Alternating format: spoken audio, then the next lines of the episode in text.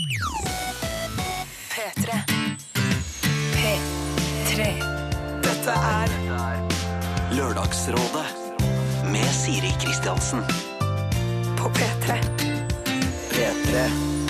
God eh, lørdag morgen. Jeg er sikker på at eh, noen av dere som hører på nå, sitter med en knute i magen.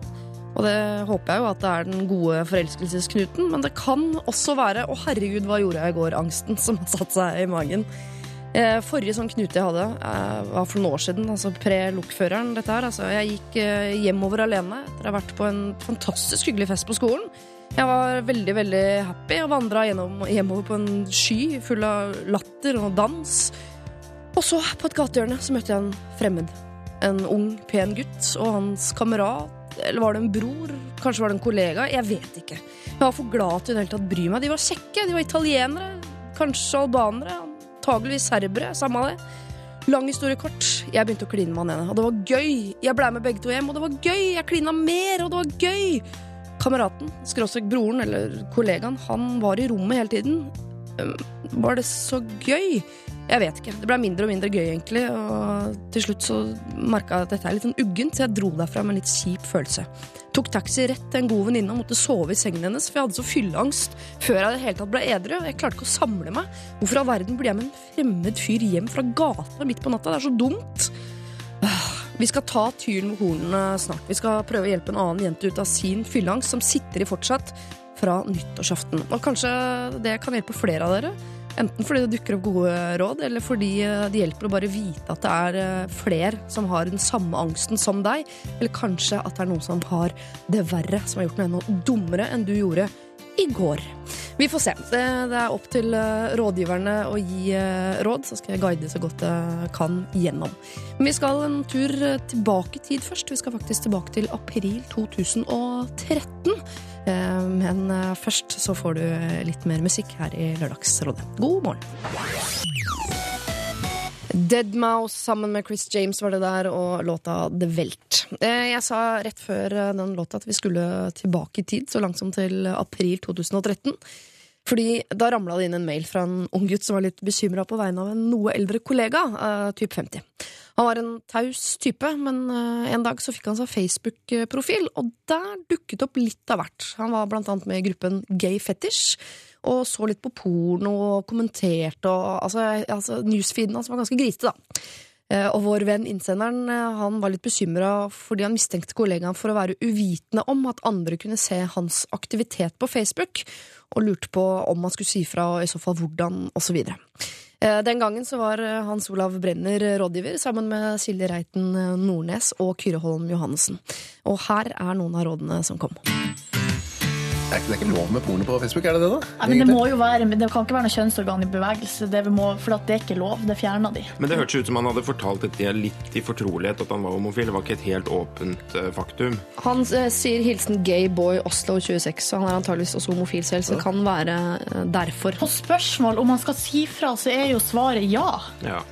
Ja, hvordan da? Mannen er 50 år. Nei, du sier hei. Det kommer opp på feeden, alle ser på hva du liker. Fordi det er jo ikke, noe, det er jo ikke så flaut, det. Han er inne i gruppe på Face, li- liker noe greier. Eh, og så bare vet han ikke at det vises for alle. Men eh, det går også an å sende en melding via Facebook, da. Det er jo veldig enkelt, da. Jeg også hadde brukt Facebook til å si fra. Men alle er enige om at han skal si fra, Løs det innen Facebook, liksom. Ja, Ja. si fra. Ja, si fra. Ikke ta det ut i den virkelige verden. Ting som hører internett til. Dette er Lørdagsrådet På P3. P3. Det var eh, da, altså april 2013, og nå har vi fått en mail fra denne unge gutten hvor han skriver Kjære Lørdagsrådet, takk for gode råd i april. Som god offentlig ansatt har jeg brukt for lang tid på å ta opp dette med han og sende svar til Lørdagsrådet. Ved noen anledninger etter deres råd i april har jeg forsøkt å ymte frampå at man eh, kan se hva andre liker. Det førte ikke noe sted. Jeg klarte ikke å ta opp dette via Facebook, det er liksom litt for heavy til et apropos på chatten. Ja vel da, sier jeg til det. I begynnelsen av november så slumpet vi til å være i Berlin samtidig, og Berlin er hans andre hjem, og han utforsker flittig Berlins skyggesider. Der det viser seg at han er fri nok til å leve ut sine fetisjer. Plutselig satt jeg og drakk øl med Jens, på et av stamstedene hans. Han i sin læroutfit og jeg i mine alminnelige klær.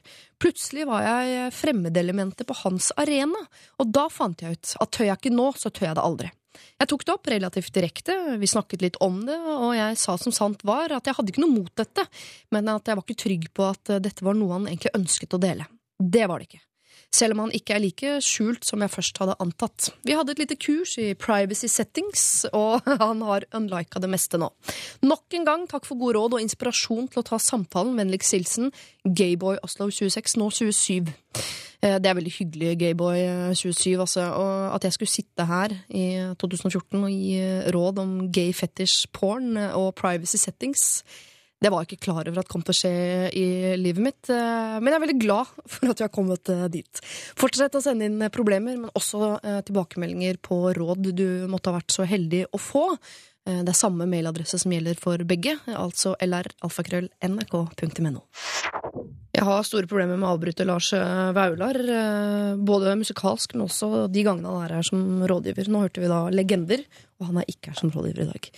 Det er eh, derimot eh, Kristin Vincent, for tiden musikksjef i P13, som starter opp i slutten av januar, eller? Vi starter 29. januar, så det er, Det er slutten, det. ja, det er litt under tre uker til. Har du bestemt all musikken nå? Nå har jeg bestemt all musikken. For de neste For de neste ukene, i hvert fall. Eh, Det blir jo alltid rom for forbedringer, tenker jeg. Men jeg har sittet eh, på et kontor sånn ca. tolv timer hver dag eh, siden oktober og plukket musikk, så nå er jeg rimelig ko-ko i huet. Jeg håper folk kommer til å like det. Men føles, er det litt sånn sånn pusse Jeg blir noen ganger sur når jeg pusser tenna, for jeg vet at jeg blir aldri ferdig. Jeg må bare på'n igjen i morgen. Er det sånn musikk òg? For da kommer det ny musikk, så må du ta stilling til det, så må du ta nye avgjørelser. Du blir aldri ferdig. Blir aldri ferdig. Ja. Siste, periode, siste tiden har jeg hatt det med å våkne midt på natten, gjerne tre-fire, Ja. og så bare 'Å, herregud, jeg har glemt det bandet, den låten'. Mm. Eh, og så må jeg notere, og så får jeg ikke sove på et par timer. Sånn er det. Det kan jo virke som man blir ferdig, da. Altså se til andre radiokanaler. Det virker som de har på en måte bestemt seg for musikken de spiller, og så går de aldri videre. Men la oss legge den debatten død. Håvard Lilleheie, du er også rådgiver i dag. Ja. Er du i ny produksjon med Rodde og Kikkan? Du, Rodde og Kikkan ruller igjen. Vi, Ja. ja. Vi jobber, jobber med sesong to. Sesong to. Sesong to Rodde og Kikkan. Ja. Er du Rodde eller Kikkan igjen? Jeg er Rodde, ja. Du er Rodde. Ja. Eh, For folk som dere som hører på, hvis du ikke er eller har barn, så snakker vi da om et barne-TV-program på NRK Super. Mm. Der du har hånda di godt plassert opp i rumpehullet på en dukke, og er Ja, ja, ja, ja. Det er jo, den åpningen er jo, den er jo den er større enn en gjengs anusåpning, selvfølgelig. Men Ja. eh, Den er større nå enn i begynnelsen, si. ja, den er litt utvidet. Men ja, det, det er jo for så vidt er jo prinsippet. Det er jo sånn, ja. Det er sånn. Ja. Så koselig å høre at det er sesong to. Det skal jeg fortelle mine barn når jeg kommer hjem. Jeg. Eh, og sist, men ikke minst, eh, Lars Berrum. Ja. Eh, God morgen. God morgen. Aktuelt, men også eh, kontrastfylt som verdens beste talkshow. Eh, Bærum og Beyer, terningkast én. Ja. Ja. Eh, Det går bra med meg. det går bra med deg. Ja, hvordan er Jeg det likte for, for dere som ikke har fått med dere det? Da, men eh, Du har hatt premiere på program sammen med Martin eh, Beyer på NRK3. Eh, og det fikk terningkast én av Mm. Ja. en eller annen eh, journalistaktig type. eh, Er det i eneste avisen. anmeldelsen? Eh, nei, vi har vel fått et par andre Ja. som har vært litt mer eh, faglig tunge, hvis jeg skal si det eh, sånn. da. Eh, og Som jeg liker veldig godt. Vi har vel fått terningkast tre av Aftenposten. Ja. Men da med en veldig fin og reflektert anmeldelse. Ja. Som faktisk Med et det språk går- det går an å lese? Eller? med et språk det går an å lese, og noen som går å ta til seg. Så det liker jeg veldig godt. Og, så det settes pris på. Mm. Men hva veier tungst? Har dere fått med dere dem, på Twitter og sånn, Håvard og Kristin? At det er liksom folk elsker og hater og Det det er virkelig en sånn Definitivt. Det har jo vært uh, ukens snakkis, spør du meg. Ja. Mm. Er det positivt? Det må jo være positivt. Og vi må jo aldri glemme at Nytt på Nytt fikk terningkast én eh, på premieresendingen. Så det, det husker jeg veldig godt nå. Selv om jeg ikke huska det før jeg Nei, startet med programmet her. Så eh, sier jeg nå at jeg husker siste det. dagen har du tenkt mye på Ja, men, ja, men vi, det skal også sies at vi kommer aldri til å bli noe Nytt på Nytt-program. Det er Nei. litt sånn vesentlig å legge eh, eh, Si også at det her blir ikke et eh, allmennsprogram som kommer til å, å nå NRK1 og fredagsrekka. Eh, så det er ikke målet Det heller. er bare små justeringer. Det er bare små justeringer. Men det er veldig gøy med en hu Jeg elsker eh, alle de som hater. Og jeg Ja. alle de som elsker, For det er så kult at eh, den jevne nordmann nå sitter og diskuterer humor. Det, det syns jeg er vakkert. da Det hadde vært mye glad. verre hvis dere var på midten. Folk bare Tja, Ja, ikke sant? Det er helt Ikke noe enig. Skaper engasjement. Men det er sånne ting man sier at det har vært verre om ingen brydde seg om det var på midten. Og det er sånne ting man sier, Men hjelper det inni hjertet ditt, eller er det litt vondt? Eller er det, som å si til en med flyskrekk at det er farligere å kjøre bil? Så det Sånn, ja da, jeg vet det greiene der, men fort, det gjør vondt inni kroppen. Nei, men Jeg begynner å bli mer og mer redd for å fly også. Ja. så det, men eh, det, jeg, jeg synes faktisk at det er det var litt av tanken med dette programmet her òg. At det er, det er noe nytt, og det er nye formgrep, og det er en på en måte annen måte eh, å gjøre et humorprogram på. Og Ja. Det kommer til å bli mer og mer galskap, og vi kommer til å være innom fiksjonsdeler som kommer sikkert til å være vanskelig for folk. Mm. Eh, og det synes jeg, og vi har forventa eh, terningkast én eller seks. Det ble én. Og en, treer, da. Ja, og en treer. Eh, Så det ble absolutt ikke sekseren, men eh, en, en, en, eneren var riktig. Eh, Ja. Og jeg synes faktisk at det er fantastisk deilig at det har blitt så mye eh, debatt rundt det. Ja. For jeg er veldig glad i humor eh, og kan faget godt og elsker å drive med det. Og da er det så kult å se at eh, flere henger seg på at det er et elsk-hat-forhold til det. Men skjønner folk- du alt sjøl, eller er det noe som bare er gøy? Du ikke, jeg skjønner ikke hva som er gøy, bare er gøy. I, I programmet? Ja. altså Det er jo mye. altså Det er jo en, et absurd, et, et absurd humorshow. humorshow. Eh, og noe av eh, og nyabsurdismen eh, handler jo noen ganger om å Er det et ord? Eh, ja. Oh, ja. Og noe handler om å eh, Noe er gøy eh, ved å bare eh, gjøre ting man synes er gøy, og gjøre grep man synes er gøy, uten at det er noe mer forklaring. Så man må sitte og være med på et tog der og jeg, jeg kan le av det her uten å finne at uh, dette var en parodi på Jonas Gahr Støre, men dette her var faktisk bare gøy at uh, det skjedde. Ja. For det går over til noen ganger å være litt nonsens, Nonsens. som er et begrep innen absurdismen. da. Eh, Nonsens har jeg hørt. Mm. Det, det, Det er også et engelsk ord. det er godt. Har du gitt terningkast én noen gang, eh, Kristin? Du har vel helt sikkert uh, altså, evaluert mye musikk opp igjennom? Som jeg Ja, jeg har vært uh, plateanmelder, så jeg har gitt uh, terningkast én. Men fortrengt til hvem? Du har fortrengt til hvem, ja. Du har Men, det? har, har Ja, du dårlig det. samvittighet da? så Tenker lite. du Å trille eneren på noen. Eh, for å være helt ærlig så måtte jeg bare gi meg som plateanmelder. Jeg har for mye empati med de som har laget eh, den musikken, og jeg vet altfor mye om hva som ligger bak eh, det å skape et album, så jeg syns egentlig det var litt eh, kjipt. Ja. Og en gang så husker jeg at jeg eh, anmeldte en eh, norsk artist litt sånn flåsete, det var på P3, tror jeg. Hvor jeg sa Kan at han, høres ut som noe vi driver med. han, var, han, var blitt litt, uh, han var blitt litt stor, sa jeg. Eller, Han var tjukk. Ja, tjukk. Eh, hvem møtte jeg på konsert på Rockefeller samme kveld? Kom bort og var veldig skuffa. Nei, jeg passer ikke som plateanmelder. Skrev du det i en musikkanmeldelse? At Nei, jeg eh, sa det på lufta. var tjukk? Sa det på lufta. Jeg sa det ikke på den måten. Nei. Jeg sa bare at han lignet på en eh, annen eh, artist. En Hvem annen du kjenner som er tjukk? Hvem var det som var referansen? Så du dro en annen med deg ned i grøfta? Det var kanskje sen Elvis. ja. Ja, Sein Elvis, ja. ja. Men det er jo Vegas-perioden. er jo kanskje Det er jo Kan være han tok det som et kompliment òg. ja, det, Det gjorde han ikke. Det gjorde Nei. han ikke, nei. nei. Uh, Syns du det er kjipt å få kritikk over? For ting jeg gjør sånn offentlig, eller sånn hverdagskritikk? Ja, hva er verst, da? Jeg gjør om spørsmålet mitt etter det du oppfatta det som. Hver, eh, jeg vil si hverdagskritikk eh, lever jeg veldig lett med. Eh, sånn eh, profesjonell kritikk eh, tok jeg sånn ekstremt personlig eh, i, i starten. Ja. Ikke så mye nå lenger.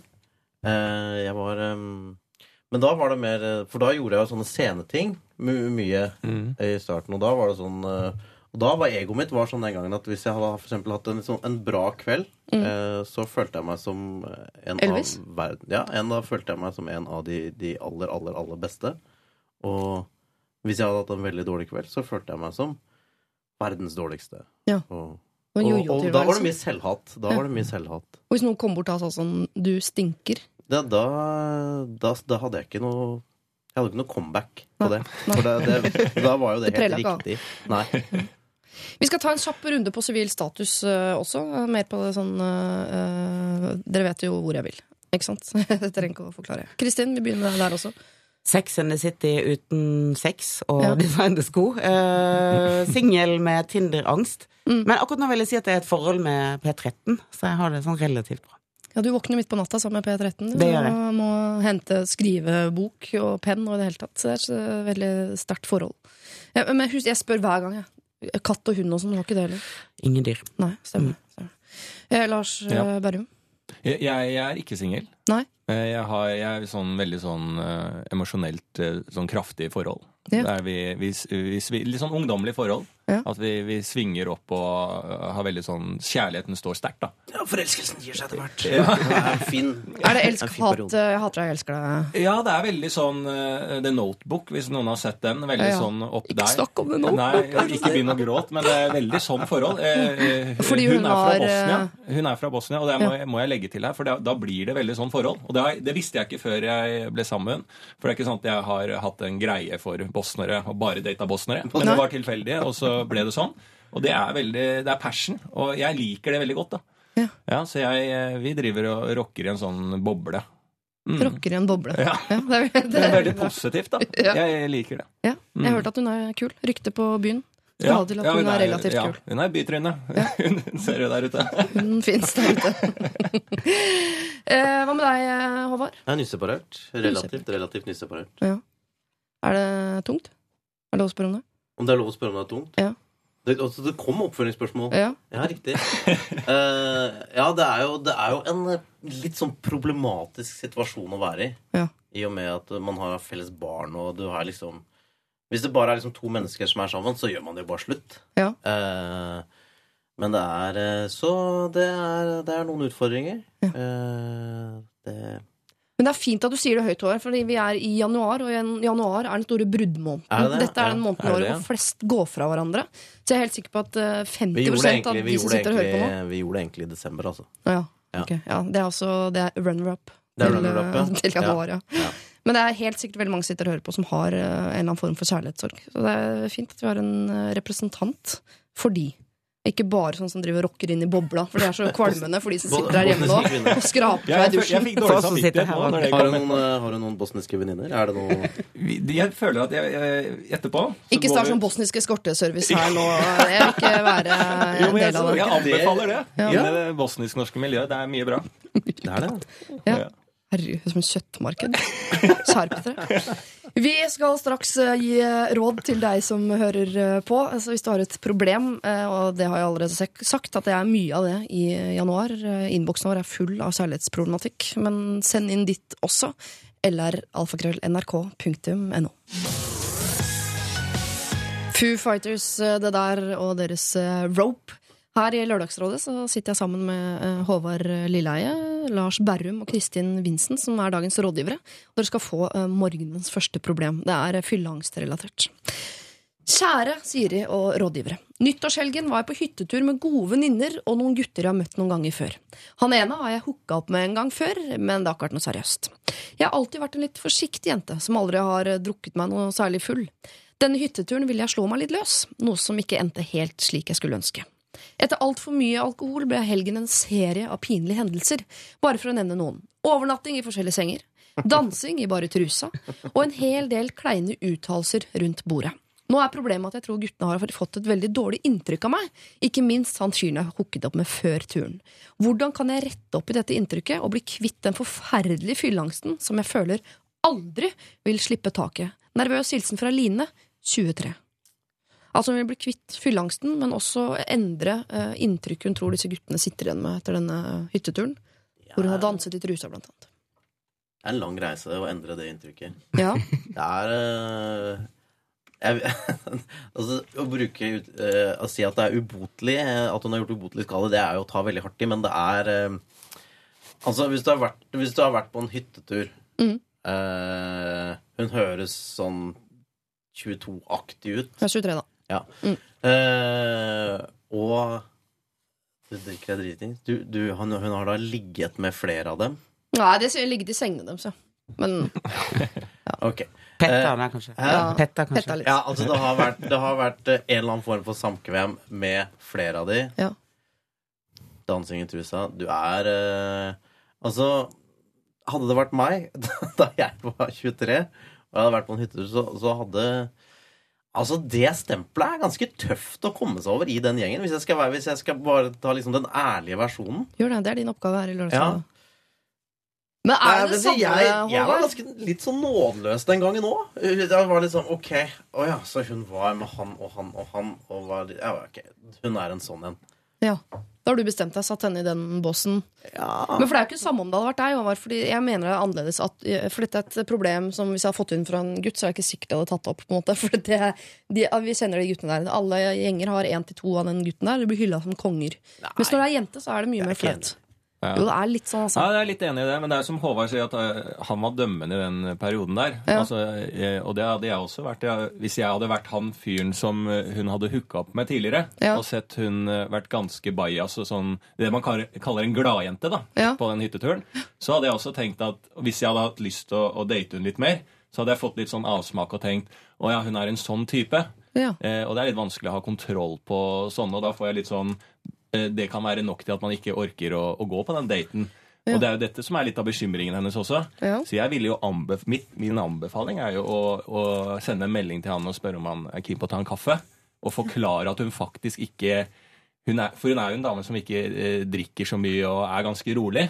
Eh, og så klinka hun til på en hyttetur. Og det er jo det farligste eh, når du er en rolig jente og Mm. Ja. skal klinke til på noe. Det du hørtes ut som trygge former. da En hyttetur, gode venner, ja, ja, langt gode venninner og gutter vi ikke kjenner så godt. Ja. Det er en farlig kombo når du skal slå deg løs. Ja. Så vi må bare ta, oss og ta en kaffe og forklare det. At jeg drikker ikke så ofte, og det her eh, gikk litt hurra meg rundt. Mm. Men jeg er veldig, det jeg er interessert i, er å, å fortsette å snakke litt med deg. Er du hypp på det? Så, du bør ikke si akkurat det, men sånn i ordlyden. da. Ja. Er du enig i det, Kristin? For, eh, altså, jeg tenker, hvis hun tar den kaffen i tillegg nå, så gjør hun jo bare alt dette her enda større. Ja, hun, At det er bedre eh, å bare liksom det ble så plutselig litt sånn uh, stor issue. Men jeg, jeg trodde jo dette her var helt normal skuring blant 23-åringer. Men uh, Ja. kanskje jeg har fått feil inntrykk på Instagram eller noe sånt. men uh, da jeg var 23, hvis det hadde vært en gladgutt på den hytteturen som hadde ligget i de ulike sengene, sånn, så hadde jeg heller ikke vært noe særlig hypp på å ha noe videre. Du hadde ikke det, ikke sant? Nei. Eh, og det er vel sånn evig regel, tror jeg. Ja. Men uh, alle har vært drita. Hun har danset i trusa. Det er ikke ja. egentlig så utrolig farlig. Men hvis hun er veldig, veldig eh, oppsatt på å hooke opp igjen med han fyren, så må hun jo, Ja, som du sant? sier, ta en kaffe eller eh, noe og snakke med han. Jeg tror det er mer liksom selv inntrykket til den guttegjengen som jeg regner med at hun kommer til å ha mer med å gjøre i og med at det er guttegjengen til en venninnegjeng av henne. Men det jeg lurer på at Hvorfor skal hun rette opp det inntrykket? Fordi det er jo ikke bare et feil Altså, Hun var jo seig den helgen. Med andre ord, neste gang hun drikker, så kommer hun kanskje til å gjøre dette igjen.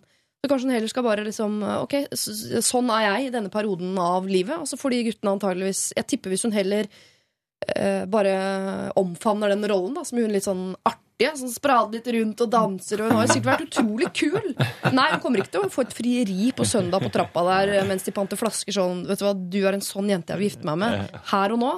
Men hun Er kan er det en hun fase i livet du kan holde på sånn, så er det jo når det er 23. Eh, Kanskje hun skal bare omfavne hele greia og ha det morsomt. Men ikke forvente å få et frieri. når hun sender inn her, så er det ikke det.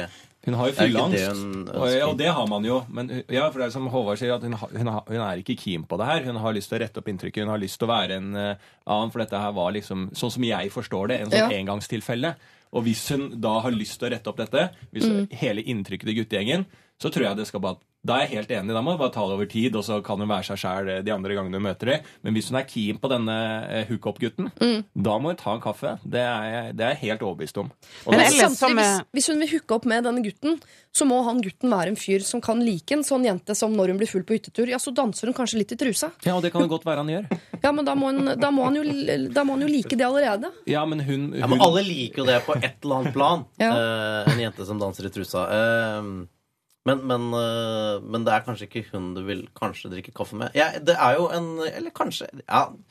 Det er jo, jeg føler at den dansingen i trusa er liksom et mindre problem enn hvis hun har, liksom, hvis hun har ligget med tre forskjellige eller fire forskjellige Jeg tror bare jeg ligger i sengene der, altså. Ja. Jeg, det, sorry, jeg, jeg, for at jeg er på en egen hyttetur nå som jeg har vært på. Eh, hvor jeg også lå litt i forskjellige senger og sånn, men jeg drev ikke og lå med folk. Nei, men da, da, da vil jeg si at eh, da er det ikke noe stort problem. Nei, det er ikke noe stort problem, men hvis jeg er han gutten og har et lite øye for hun, og vi går på en hyttetur sammen, og jeg tenker å her kanskje det kan, vi kan få enda bedre kontakt, og hun eh, er bare veldig sånn glad og bare hopper rundt med alle og ligger litt der i senga, selv om hun ikke gjør noe, og ligger litt der og hopper i trusa og er eh, veldig sånn bare blid og glad til alle, og ikke jeg får noe spesiell kontakt med henne, så vil jeg føle å ja, da er hun ikke keen på meg, da. Eh, Men hvis man tar en kaffe og forteller at det er faktisk jeg har lyst til å treffe deg litt videre, den hytteturen der gikk det litt over stokk og stein, så vil jeg eh, komme tilbake til henne og bare Å ja, så kult.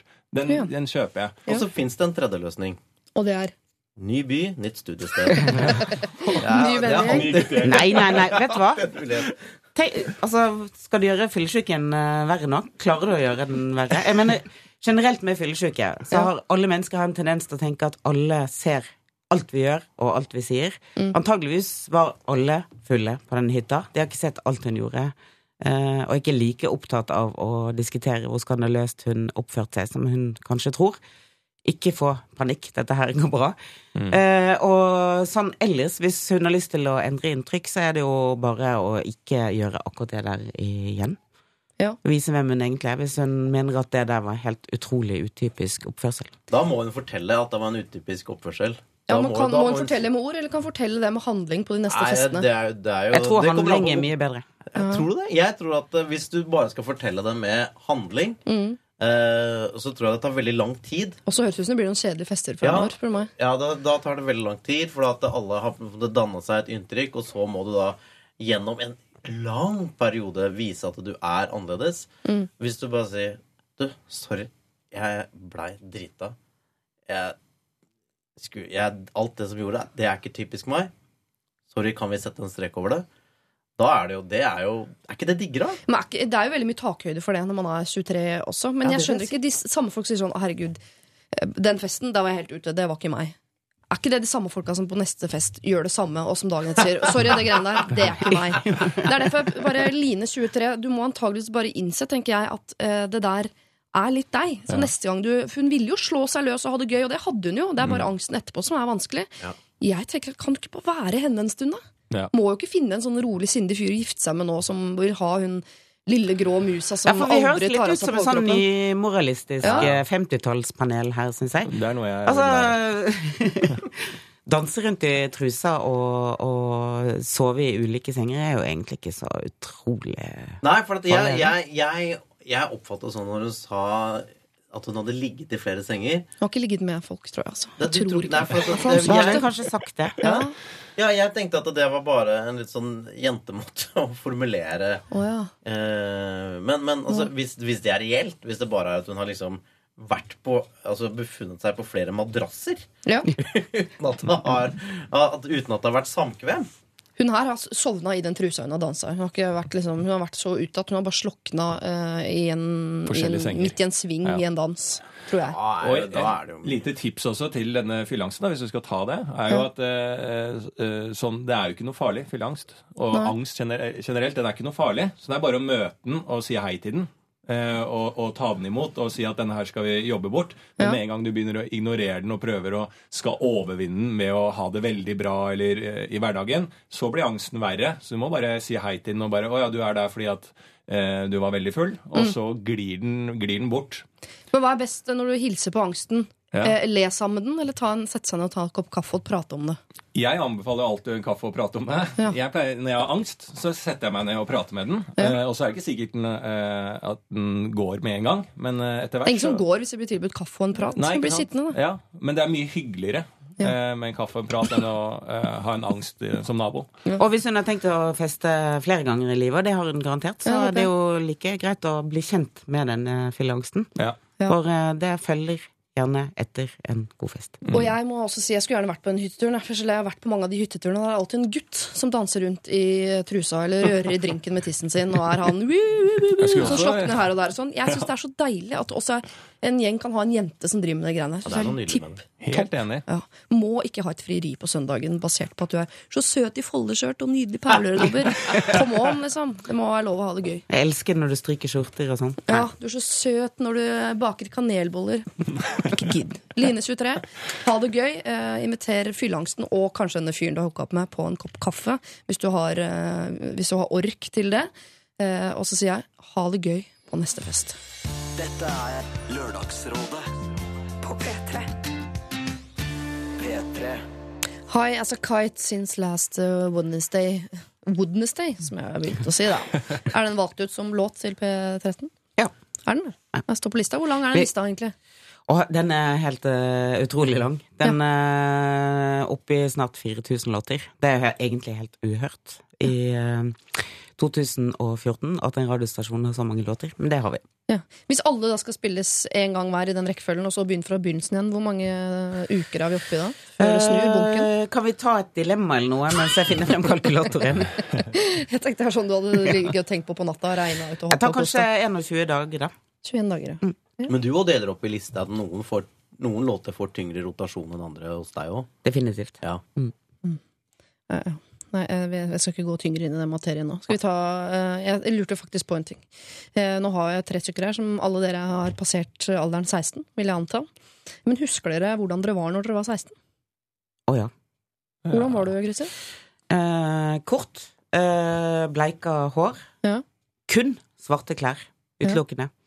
Veldig alvorlig.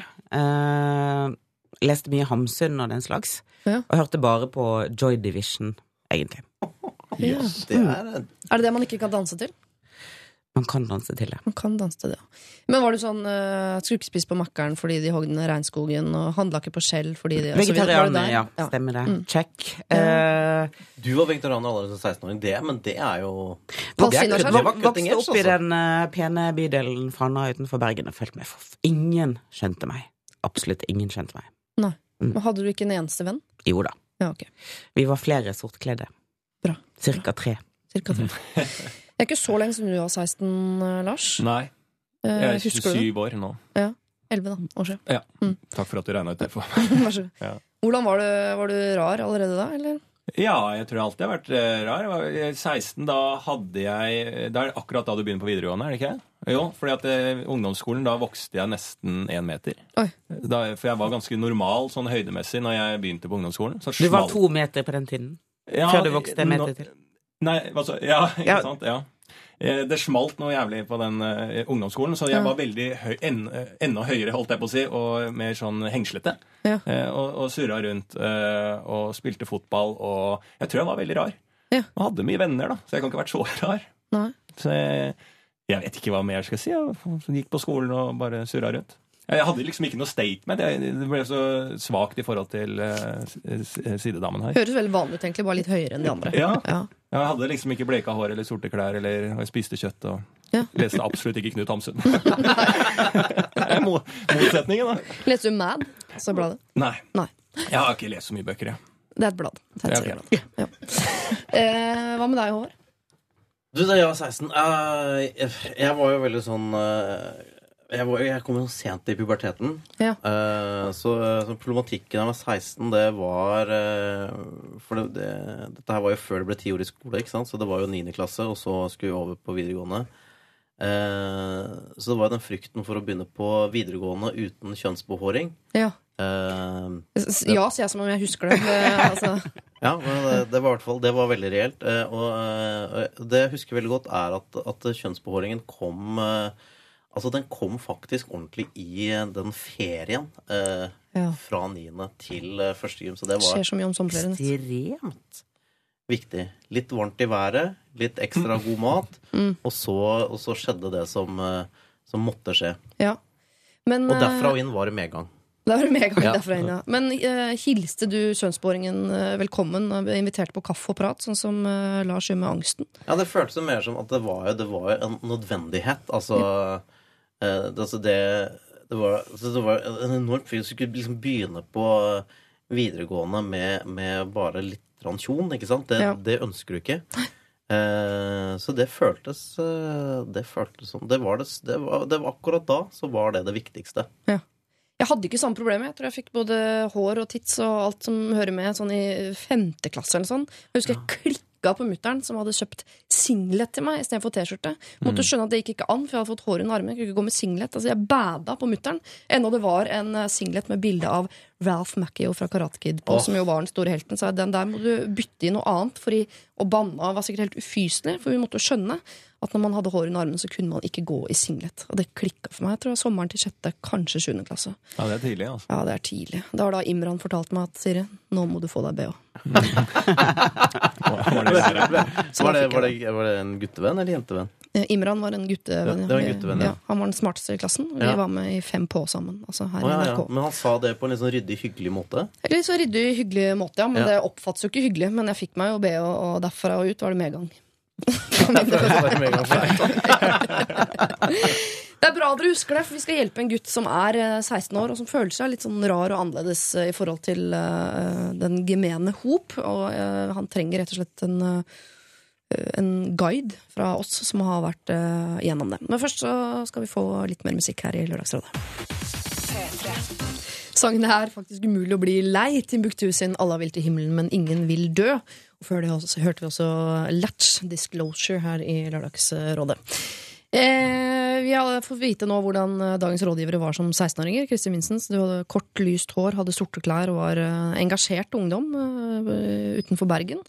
Lars Berrum, du var en egentlig ganske vanlig fyr, spilte fotball osv., men du var en meter høyere enn alle de andre, stort sett. Ja. Average var jeg veldig sånn. Eh, og Håvard Lilleheie, du hadde en fin tid, egentlig, for det var omtrent på den tiden du fikk dine etterlengtede skjønnsord. Så du var på et happy sted, i hvert fall sånn rundt 16. Ja. Vi skal hjelpe en annen fyr på 16 som har sendt oss en mail. Han skriver eh, Hei, gutt 16 her. Mitt problem er at jeg oppfører meg på en litt rar måte, forskjellig fra alle andre. Jeg har min faste vennegjeng som er noe for seg selv. De har holdt ut med meg gjennom tykt og tynt. Da jeg var liten hadde jeg kun jentevenner. Det var noe jeg kunne bli plaget for, men ikke noe mer enn alle andre som hadde jentevenner på skolen min. Det var liksom slengt en kommentar her og der. Jeg klarte å overse de som ertet, og brydde meg ikke noe om dem. Men det har liksom fortsatt. Mest i garderoben etter gymmen på skolen, der jeg får spørsmål hele tiden om jeg er homo, noe jeg ikke er. Jeg tenker at det er helt eh, opp til meg å vite, ikke noe andre må legge seg opp i. Men jeg forstår hvorfor de spør. Jeg har alltid oppført meg på en mer feminin måte. Har aldri hatt en eh, guttekjæreste. Har aldri forelsket meg i en gutt. Og det føltes helt riktig eh, de gangene jeg har gjort ting med jenter. Altså kyssing, kosing osv. Dere forstår. Men jeg lurer på, hvordan kan jeg rette opp det inntrykket jeg har gitt folk? Jeg prøver jo å le av alle spørsmål og slå det fra meg, men jeg kan ikke gjøre det for alltid. På forhånd, takk. Altså, vi er fortsatt inne i hvordan rette opp et inntrykk-greia her, som vi jo har vært igjennom allerede med øh, fylleangst osv. Men her er det en gutt på 16 som oppfattes som øh, homofil, noe han ikke er, men han er en feminin type, har mye jentevenner osv. Eh, Hvordan skal han få folk til Egentlig jeg trenger ikke å gjøre om seg eller inntrykket, men hvordan skal han få folk til å slutte å spørre om han er homofil? Han er ikke det. Og så videre. Mm. mm. Ja, det eh, sånn, Det første jeg tenker, er jo som han, han stiller, at eh, jeg kan ikke eh, svare på disse spørsmålene for alltid. Og det kommer han eh, ikke til å gjøre heller, det kan jeg berolige med en gang. Eh, at det kommer uansett til å gi seg. Mm. Men det føler jeg er veldig sånn eh, eh, pappasvar eller eh, mammasvar, som man sikkert får at eh, det er bare å Det, det avtar. Mm. Eh, men det er jo, når man er 16 år, så er jo det problemet der og da, så man må gjøre noe. Mm. Så jeg forstår den frustrasjonen. Men jeg kan si at det kommer til å gi seg. Når folk rundt han også blir eldre, så er det liksom da, er det, da glir det over til å bli ganske kult at man har masse jentevenner og, og den type ting. De beste gutta har jo jentevenner ofte. Definitivt. Han, må, han må bare holde ut. Eh, og jeg syns ikke han skal gå og forklare alle de idiotene som ikke skjønner noe, uh, hva han er og ikke er. Uh, da jeg var blondine, sortkledd og, og 16 og hadde sånn cirka to bestevenninner i Fana, så trodde jo alle at vi var lesbiske òg. Ja. Fordi at vi ikke hadde lyst til å regge rundt med bil og høre på Kenny Rogers og Dolly Parton. Mm. Uh, så tenkte vi bare de er duster. Uh, og så går det over. Ja. Uh, man blir eldre, folk endrer seg. Man... Men da var det sikkert veldig deilig å ha to allierte. At det var tre stykker som var enige om at alle andre var duster. Han sier jo at han har en fin vennegjeng, Ja. så han er jo ikke alene. Nei. De holder ut med han gjennom tykt og tynt, og det er mange jenter der. Hvis han har lyst til å lage en statement, så kan han jo komme med en sånn eh, T-skjorte, da. No homo, eller 100 Det er litt hva no homo-T-skjorte. er- Det er litt betent. belastende å gå. Ja, det er litt betent. Men eh, Ja, ok. Gå ut som homofob, liksom. ja, han kan jo få seg, kan få seg dame, da. Ja, skal han Altså, det kan han jo uansett. Det er jo en hyggelig greie på siden. Han har sikkert lyst på det òg, hvis han er 16 år. ja. Uh, men det er jo ikke så lett når man er 16 år. Jeg er enig i det. Husker det. Men men uh, Står det hvor han er fra? Nei. Nei. Men eh, jeg skjønner altså, eh, Det er lett å si sånn 'ikke bry deg om de', og det sier han at han ikke gjør. Men det gjør han jo Ja, hvis- åpenbart. Hvis ikke så hadde han ikke spurt. Men eh, den dagen det blir et problem sånn at det blir vanskeligere for han å få kjæreste, for eksempel, fordi det er jo eh, veldig få jenter som vil sjekke opp en de har fått beskjed om at er homofil, f.eks. Så hvis det blir et problem sånn sett, så skjønner, da må man jo gjøre noe. Ja, men det jeg tenker jo er jo at når du er 16, så er du jo i den der overgangen eh, ungdomsskole, videregående. Eh, og det er jo en overgang som vil løse mye for mange. Fordi at når du kommer på videregående, så er du jo i, kommer du jo mer i den posisjonen at du kan velge vennene dine eh, i større grad. At det ikke er bare de som har vært der. Ikke de som bor i samme gate som deg, som Nei. du har blitt tvunget til å være venn med fra du kom til verden. Og da, og da er det mye lettere å bygge opp en, uh, en vennekrets som uh, ja, som er litt bredere. da. Virker som man har en bred og fin vennekrets, men da tenker jeg da Ja, da blir jo problemet ofte mindre, for der er det på videregående er det jo Da øker jo toleransen for å være At folk er litt uh, forskjellige. Ja. Så, men han, hvis han, har han begynt på videregående? Hvis han er 16, så har han vel sikkert det, da? Mm, ikke. Ja, Det er jeg usikker på, men det er, eh, det er i hvert fall, jeg er helt enig med at den, den eh, overgangen som vi snakker om, som kommer, at folk forstår det mer og blir voksne, den er veldig nær. da. Ja. Ja. Det, er jo, det er jo en positiv ting. Uh, og så tenker jeg også at han må ikke, han må ikke finne på å forandre seg sjæl. Det er, det, er, det er veldig uenig. Altså, man må bare være den man er, og så må man heller gå Man kan jo bygge seg opp og få litt sånn eh, eh, Han ler jo veldig av kommentaren, og, og kanskje han er veldig sånn forsiktig i, eh, i, i svarene sine og, og godtar eh, ting rundt seg litt for mye. Ja. Han kan også gå inn litt hardere og markere seg og si du, hva, liksom, hva faen er det du snakker om? Jeg er ikke homo, og har du noe imot homo? Jeg, altså, du, kan gå ganske, du kan gå litt hardere inn mot folka som eh, prøver å, å, å teste ut litt sånn Kan vi eh, Jeg føler nesten folk rundt prøver litt sånn Kan vi mobbe han her litt? Eh, vi må Ja. teste han ut. Så han kan gå litt hardere inn og markere seg sånn sett, og, og ta avstand fra det. Det virker som om latteren hans har blitt litt mer anstrengt med tida. Ja. Ja, han prøver å le av spørsmålene. Han syns jo at det er veldig veldig slitsomt. Men det er jo ikke sikkert at folk har oppfattet det. Så kanskje du har helt rett at han bare skal gi beskjed. Hør her, det er ikke morsomt lenger. Og når de andre nå også har blitt 16, så er de mer mottakelige for litt uh, kommunikasjon. Eh, det er på den alderen man begynner å skjønne at det med mobbing er ganske døvt, egentlig. Ja. Og hvis Men det er jo noen som ikke blir eldre er på en måte i hodet heller. Selv om vi sier noen 16, da står det på terskelen til at folk begynner å liksom skjønne ting eh, ordentlig.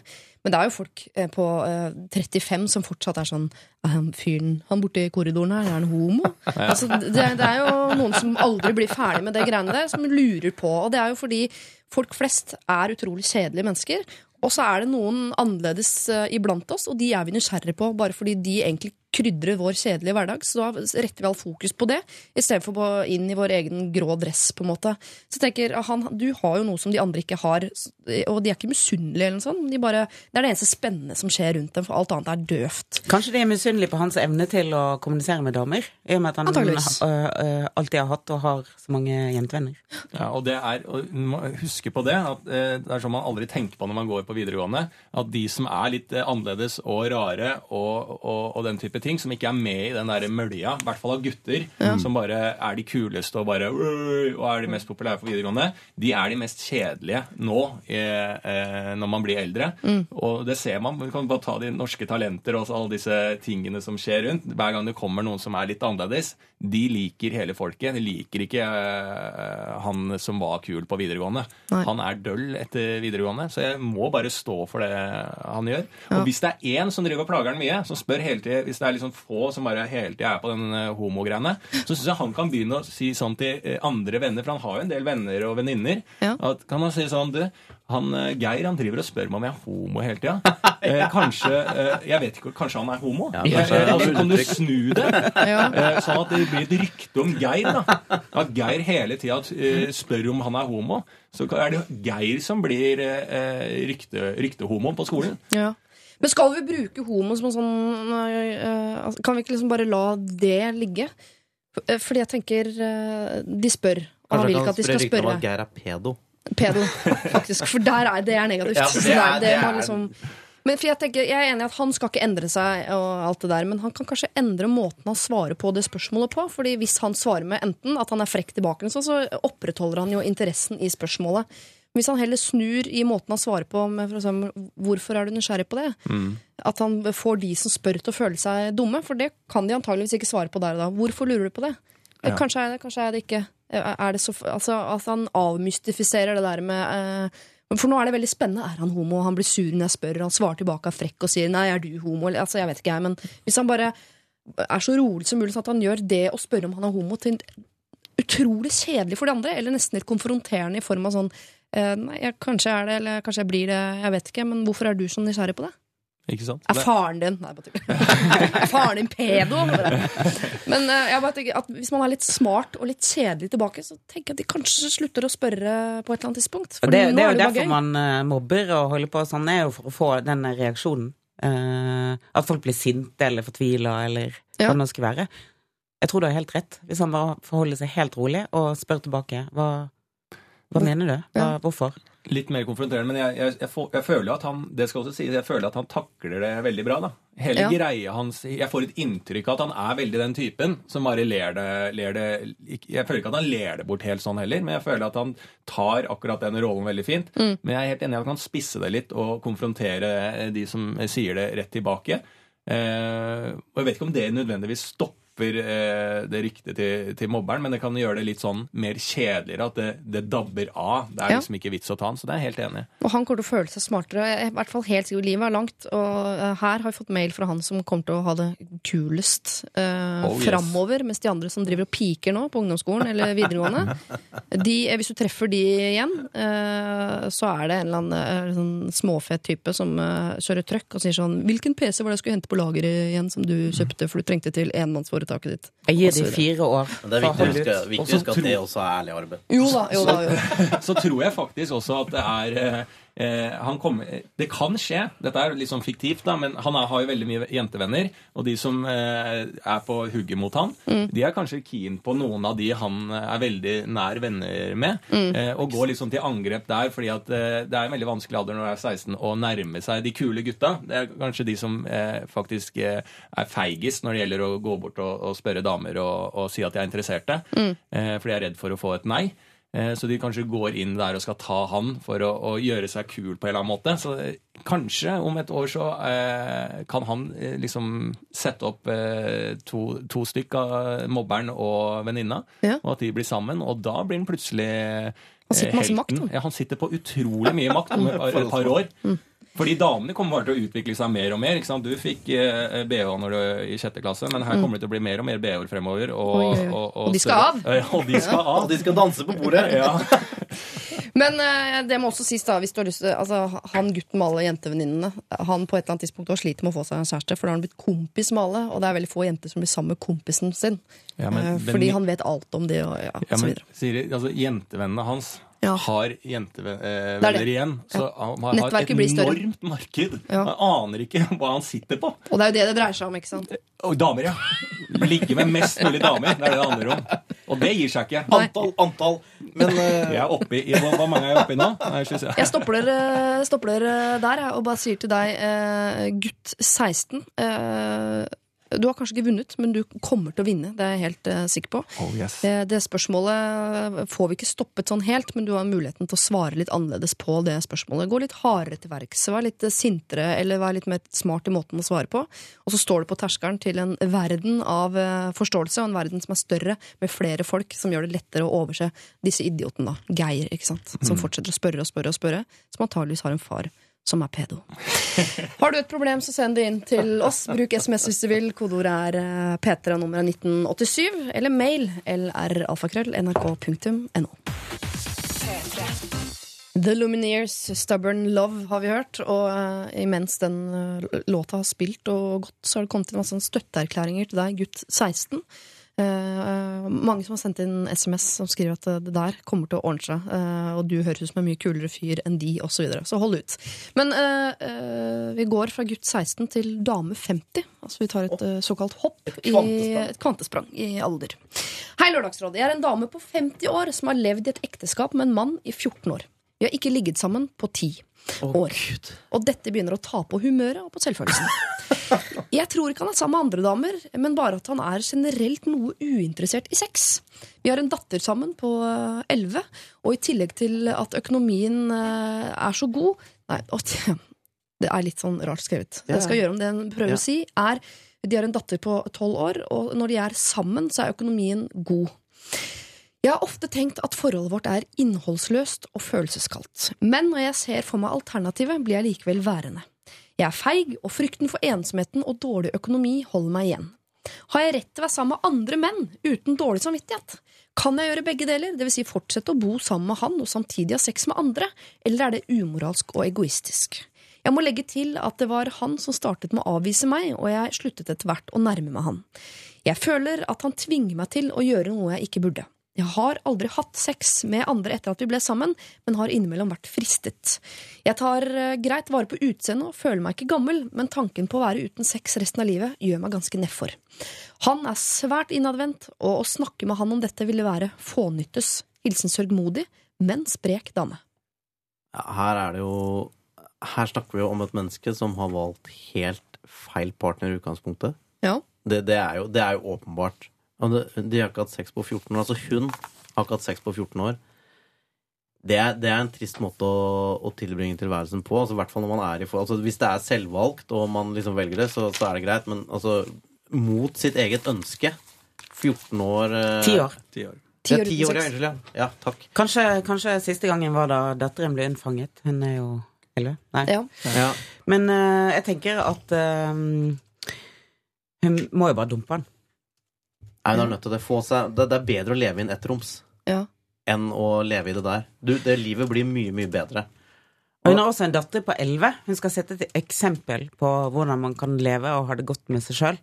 Hvis hun ser at eh, hun har, et, eh, har foreldre som lever i et følelseskaldt forhold, hvor man holder sammen bare pga. økonomi, så kan det skape et eh, dårlig mønster i hodet på elleveåringen, tenker jeg. Og, og hvis hun er eh, da utro, eh, så kommer det, det greier Man greier ikke å holde det hemmelig hele veien heller, så da får datteren vite det i en eller annen alder. Og det er også veldig kjedelig. Da mister du mye, eh, mye respekt fra datteren. Ja. Og det kan komme i sen alder eller når som helst. Og jeg, jeg blir veldig sånn personlig engasjert i det, for det verste jeg veit, er utroskap og den type ting. For jeg syns det er så feigt. Jeg syns det er å pisse på en partner da, som du har faktisk ja, vært sammen i såpass lang tid. Eh, og det har ikke noe å si. Jeg, jeg driter i at han er kald, og det er han som frastøter. Det har ikke noe å si. Du kan ikke være utro selv om eh, eh, den andre partneren er eh, kjip. Du må eh, eh, gi den respekten og gjøre det slutt, og så søke nye partnere. For det er, det er det, jeg syns det er så lavmål å, å ligge med andre folk eller gjøre ting med andre når du er i et forhold. Eh, så det, må, det er helt uaktuelt i, i mine øyne. Ja. Jeg, jeg tenker at Hun har antageligvis fått rådene sånn uh, Ikke tenk på økonomien, du, får det bedre eh, på andre siden, og bare gjør det slutt. Du er i et dårlig forhold osv. Men eh, vi må ha litt forståelse for også at det er vanskelig eh, å, å flytte fra eneboligen, hvor man ikke trenger å, å tenke på om man har eh, penger til bensin hele måneden osv., til å flytte inn på en toroms hvor du må, eh, datteren din skal ha et rom, da, så må du sove på sofa i stua. Sånn, at det der ikke er et, liksom et liv man ønsker seg. Og det kan jo hende at foreldrene her egentlig har det fint sammen, bortsett fra akkurat det der med sexen. Og folk sier at sex er det viktigste, men i ganske mange forhold så er ikke sex så innmari viktig. Her er det litt dumt, for her er det viktig for den ene og ikke for den andre. Ja, så det, det føler jeg at det, det, er, det er ikke så relevant der. Og, og så, da mener jeg òg at eh, at hvis du da Hvis, du har, hvis han har nekta partneren sin sex i ti år, det Ja. er jo det er jo, det er jo, det er jo sånn å bryte ekteskapspakten. Ja. Altså, det, det er altså, På en eller annen måte så er det en del av det. Eh, og jeg veit ikke om de Altså, er de gift? Eh, ja. De er Ja, gift. mm. Og hvis de ikke har, hvis de ikke har særeie, eh, så er det jo 50-50. Ja. Så da, da er det jo greit. Da må jo han enten kjøpe den ut, eller så må de selge huset. Og da, da får hun seg en treroms som det går an å, å leve helt ok lykkelig på.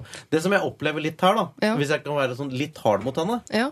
det er at det er jo Det er jo en del feighet inni bildet her. Selvfølgelig. Eh, For hun eh, ønsker jo på en eller annen måte på en, en del plan ikke å være sammen med han fyren lenger. Mm. Hun ønsker noe annet. Eh, og da På et eller annet punkt Altså, ti år! Ti år! Ja. Det er lenge, ass! Det er veldig lenge. Så da må du på et eller annet punkt så må du bare Da må du være liksom sterk nok i deg sjæl Mm. eh, til å si at nå må det enten være sånn, eller så gjør vi det hver for oss.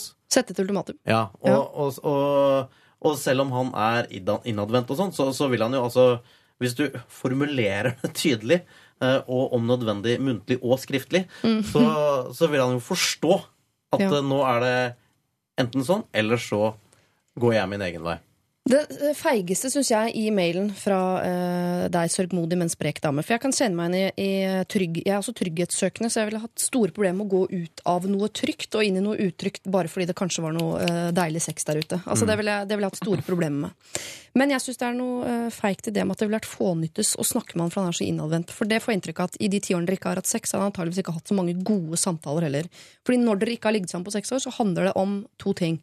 Enten så liker han ikke sex og har ikke lyst til å ligge med deg lenger. Ergo så har han et problem. Eller da har ikke han et problem. Da, han vil ikke ha det, du vil ha det. Og da mener jeg faktisk at det er verdt et forsøk å si sånn Du, vi har det jo helt fint sammen, men vi har ikke sex. Det har jeg lyst på, ikke du. Hva om jeg ligger med andre? Hva syns du om det? Fordi én av en million menn ville sagt sånn, vet du hva, det går greit. Bare gjør det. Og det er verdt et forsøk, for ellers så sier han vet du hva, det er helt un uh, uaktuelt. Ja vel, ok, ha det bra. Da må han i hvert fall prøvd.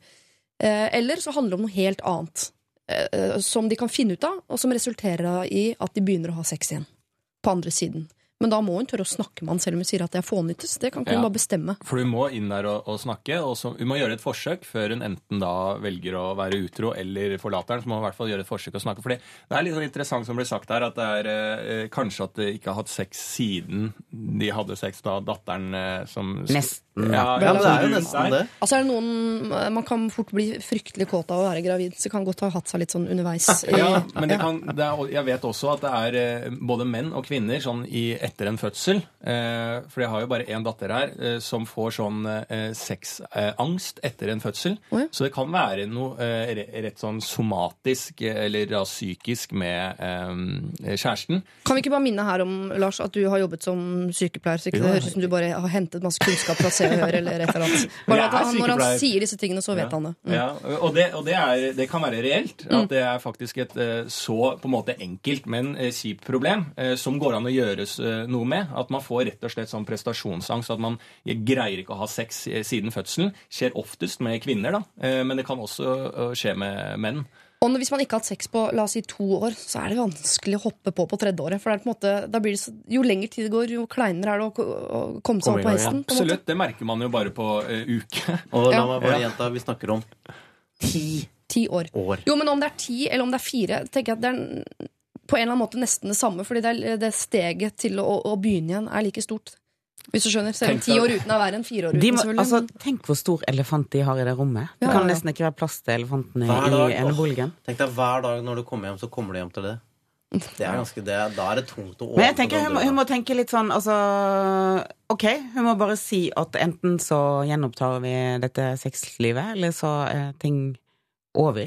Mm. Og så kan hun eventuelt tenke sånn Ok, uh, på et eller annet punkt i livet så flytter vi hjemmefra fra foreldrene våre. De høres jo ut som søsken, eh, altså Ja. Uh, Sånn bortsett fra at ikke de har sånn Det var litt følelseskaldt. Ja. Hun må komme seg bort hvis ikke han har tenkt å skjerpe seg. For han er jo enten aseksuell, Mm. eller så har han faktisk uh, noen på si. Eller Ja, så bare tenker han at hun er som en søster, hun tenner meg ikke.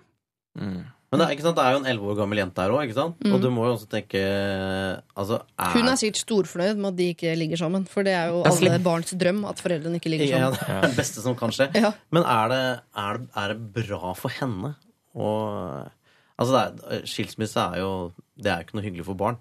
I hvert fall ikke når de er blitt så store. Men er det, er det bedre for henne at de lever Altså så det, det, det, det den mailen beskriver, det, Mm. er noen, det er noen som ikke ligger sammen. Det er noen som ikke snakker sammen. Altså det, det beskriver et forhold sånn uten kommunikasjon. Ja. Og da tenker jeg da på et eller annet, Selv om skilsmisse er kjipt, Mm. så tenker jeg at det er, det er bedre for den ungen nå. Eh, Tenk om at ca. to år, så er hun eh, Da begynner pubertetsfølelsene å blomstre opp på alle mulige måter. Hun kommer bare til å, å bli sint og forakte den moren, tror jeg, hvis hun eh, fortsetter å leve i et følelsesløst eh, forhold. Og inntil noen eh, beviser at Gud finnes, at vi skal videre til himmelen og sånn når vi dør Du har bare ett liv, kjære 50-åring. Har du lyst til å ligge på dødsleiet og tenke ja, ja, Har jeg hadde i hvert fall den ene boligen, da. Ja, jeg hadde i hvert fall bensin hele måneden.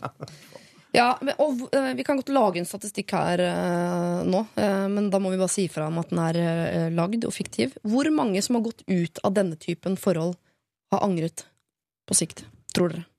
Tipper cirka Jeg tror det er en lav den Er vi nede på promille, eller? Vi er på promille. Ja. Jeg tror ikke det er mange. Det er Nei. sikkert litt tøft i Under begynnelsen. 1 Det som er rart, er jo at sånn skilsmisse generelt, så er det jo et veldig stort flertall som faktisk angrer. Eh, altså ved, ved skilsmisse generelt. Men eh, jeg tror vi her snakker om et såpass spesielt særtilfelle at, eh, at den statistikken eh, snur veldig. Ja. Snur. ja. Og, og vekten på økonomi her det, også, altså det, er, det virker som at det skal ikke være Og det, vi lever i Norge, så det er, det er ikke ut i gryta på gata. Eh, hun greier å, å forsørge seg, hun greier å få det rundt. Jeg har greid det. Ja. Eh, eh, og da tenker jeg, har stor tro på at 50 år gamle dama der greier det. Eh, og det syns jeg er bare litt sånn feigt. At eh, hun har det kanskje veldig bra med penger nå.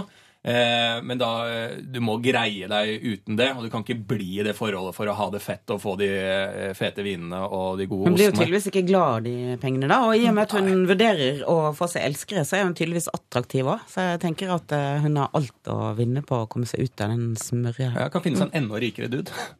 Jeg vil legge til at Når vi sier feigt, så vil jeg også legge til at det er svært forståelig. eh, At, at det virker som et umulig hopp å ta, og at den Ja. andre siden virker skummel. og i det hele tatt. Men jeg er ganske sikker på at du får det bedre på andre siden. Men, uh, Vi skjønner jo frustrasjonen, må jo sies. Ja. Og hvis, uh, men før du går over til den andre siden, altså før du flytter ut og får deg denne treromsen, og livet blir litt annerledes sånn rent praktisk og økonomisk, så syns jeg du skal, fore, eh, så du skal ha en samtale sånn Hvorfor har vi ikke sex? For å finne ut av om det er fordi han ikke vil ha sex, eller om det handler om noe annet som dere kan fikse. For prøv. Alltid prøv å fikse det først. Syns jeg. Eh, og syns jeg også du skal legge forslag på bordet, som er veldig kontroversielt, men det kan jo hende han er av typen som godtar det. Om, kanskje ditt forslag om å ha sex med andre da, er greit. Eh, Det er jo mange, veldig mange forskjellige forhold der ute. Eh, kanskje han syns det er greit å ligge med andre, men bor sammen med han. Det høres for meg veldig veldig rart ut. Jeg ville aldri ha godtatt det verken for meg selv eller Men kanskje han syns det er greit, kanskje du syns det er greit. Prøv det. Men statistisk sett så tror jeg vel dere er i ferd med å gå hver deres vei i livet, og det er vi også helt sikre på at kommer til å gå veldig, veldig bra. Eh, vi tar problemer for alle. Er du 16 eller 50, eller hva handler det om? Det er et fett for oss. Vi tar det på strak eh, arm. Send det inn på mail eller alfakrøll.nrk.no. San Fermin var det der, og San Sick. Du fikk den her i Lørdagsrådet på NRK P3. Jeg liker så godt å si det, det høres så proft ut. ja, alle. Var dere imponert av meg nå? Ja, det høres ut som en sånn eh, radiovert. Ja, Ja. nesten tror jeg var det. Eh, Lørdagsrådet i dag består av eh, Lars Berrum fra verdens beste talkshow. Ternekast eh, én. Ja, det må, det må En eller annen dag skal jeg slutte å nevne det. En eller er, annen dag. ja, men det er helt fint, det. Eh, Håvard Lilleheie, du er også her. Du er jo fast rådgiver her i Lørdagsrådet. Jeg merker Du utvikler det som rådgiver. Blir bedre og bedre. Syns du det? Ja, ja, ja. At det er progresjon? Ja, Jeg elsker progresjon. ja det er så deilig. Takk. At man kan ha det så holdt på å si seint i livet, men midtveis, da. Jeg, jeg er midtveis i livet. Ja. Herregud, tenk at det, det er, ja, Vi går videre. Vi går videre. Ja. Når vi snakker om progresjon, Ja. vil jeg også si siden du nevner terningkast én, Ja, så kan jeg bare ha progresjon fremover, ja. absolutt. Eller stå på det, den progresjonen jeg er på. For det er jo ikke gitt. Det kan være jevnt. Rett fram. ah, jeg liker rett fram bedre enn mye opp og ned, jeg, da. Eh, og Kristin Vincent, som snart eh, altså klipper snora for eh, P13, vår eh, storebror-kanal. Storesøster. Er den Storebror. kjønnsløs? Storebror. Storebror. Mm. Vi skal nå eh, hjelpe en lyvepave. Altså en som har jugd seg opp i et eh, hjørne. Og det har vel alle gjort en eller annen gang, vil jeg tro. Hei, Lørdagsrådet. Jeg har et problem med en hvit løgn jeg dro for et par år siden, som har gjort seg stor og stygg. Uten å avsløre for mye kan jeg forklare det sånn. Og så kommer hele, da. Så hun avslører faktisk alt. Eh, jeg på en måte løy på meg en tidligere kjæreste da jeg møtte den fyren jeg er sammen med nå. Som for øvrig egentlig da er min første kjæreste. Dette gjorde jeg av forskjellige grunner, men bottom line er uansett at jeg gjorde dette fordi jeg aldri hadde trodd at jeg ville ende opp med å bli sammen med han jeg løy til. Jeg syns det var en ganske liten løgn i starten. Jeg skrøt ikke akkurat på meg noe voldsomme greier. Tok ikke så tungt på det og fortalte aldri sannheten. Problemet er at nå som jeg har vært sammen med kjæresten min en stund, altså den ekte kjæresten, har han rukket å stille en del spørsmål om denne oppdiktede personen. Nå har han med andre ord fått et navn, en alder, et studiested. Jeg har til og med måttet finne opp hvordan og hvorfor jeg dumpet han. Det er kommet et punkt der det har, eh, hadde vært altfor flaut å noen gang skulle innrømme dette. Og det blir ikke akkurat bedre med tiden. Det er kommet også et punkt hvor jeg lurer på om jeg må dumpe fyren jeg er sammen med. Jeg, for jeg ser for meg et marerittscenario der jeg blir busta i en eller annen bryllupstale eller noe, der noen nevner at det er så koselig at jeg gifter meg med min første kjæreste. Hva tenker dere? Kan jeg klare å holde dette i sjakk? Er dere enige i at det blir altfor døvt å fortelle han det nå? Kan nevne at vi studerer i forskjellige byer, og at alle vennene mine i hans by har fått servert samme historie. Men vennene i min by, de vet alt sammen. Huff, jeg håper på råd. Klem fra lyvepave. I begynnelsen tenkte han er jo dritten av det, men da hadde jeg glemt det der med en tale hvor det, sannheten kan faktisk dukke opp. Fordi hun, har jo, øh, hun lever jo to forskjellige liv i to forskjellige byer, nesten. Først vil jeg si at det er alltid feil å gifte seg med sin første kjæreste. Ja.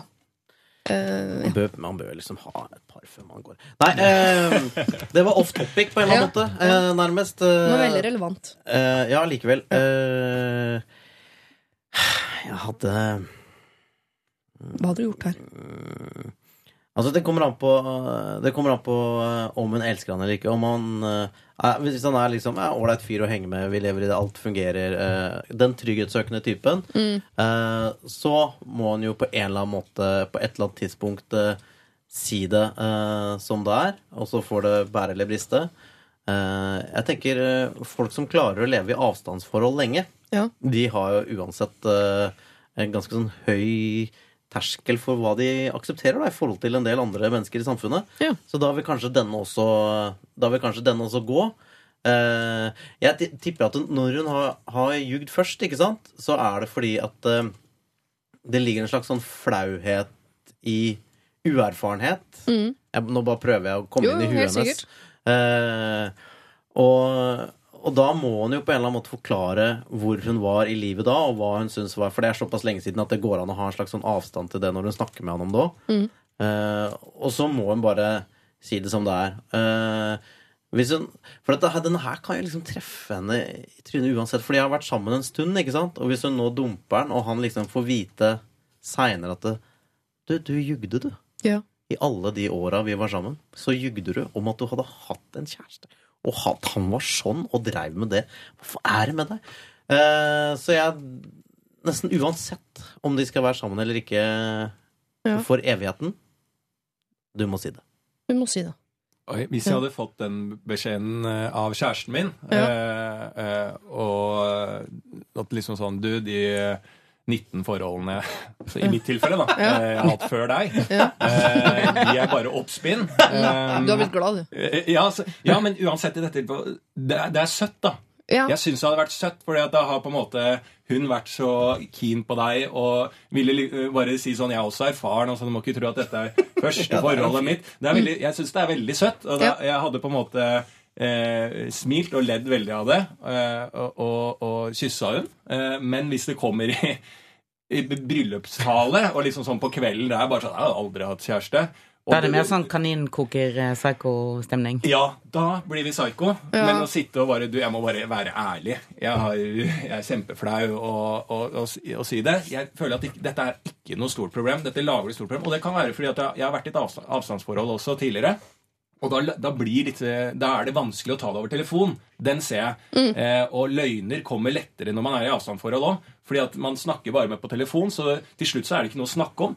Så man begynner å finne på ting om dagen sin. For det gjorde jeg når jeg var Gjorde du det? Ja, bare sånn der, Hva fant du på? ja, ja, jeg hadde ikke noe å si, så var det bare sånn du, Og så eh, kompis av meg, vet du, han Og så bare lager jeg historier for å ha noe å snakke om. Og da kunne jeg lett sagt sånn derre Jeg husker en tidligere eks av meg, og akkurat sånn. Og så kunne jeg plutselig funnet på å løye om noen ekser, jeg òg. Så jeg, jeg, jeg fatter at det, i et avstandsforhold på telefon så kan det være vanskelig både å ta, ta opp dette her, men det kan også være lett å, å, å lyve om som hverdagslige ting.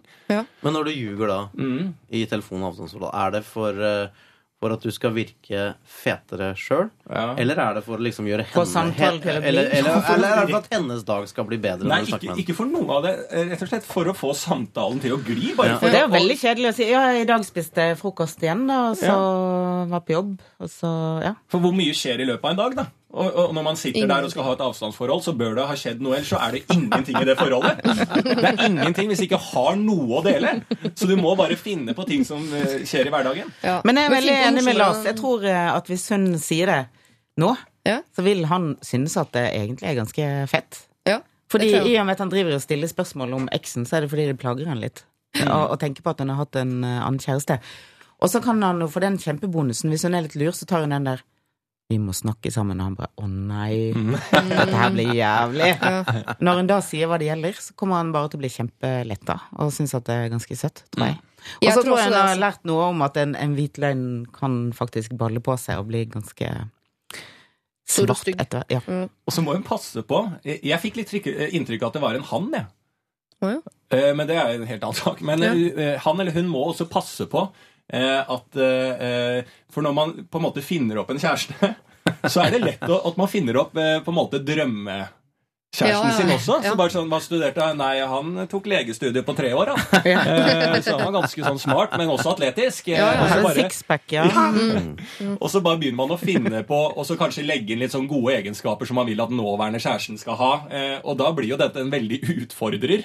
Og hvor er denne personen nå? Hvorfor får jeg ikke se noen bilder av han? Og vedkommendes kjæreste nå tenker kanskje jeg kan aldri leve opp til den eksen som Ikke hadde sant? alle de fantastiske egenskapene. Og så må du lage et navn på denne kjæresten. Sånn at den ikke kan ja, Og da, hva slags navn blir det? Du kan ikke ha et navn man kan google på Facebook. Så det blir jo sånn eh, Jean-Claude Det blir jo veldig sånn, sikkert et sånn eksotisk, sånn spennende navn. Det Det er er jo det er men det er et veldig godt poeng. At hvis han vet da fornavnet og etternavnet på hennes fiktive eks, Ja.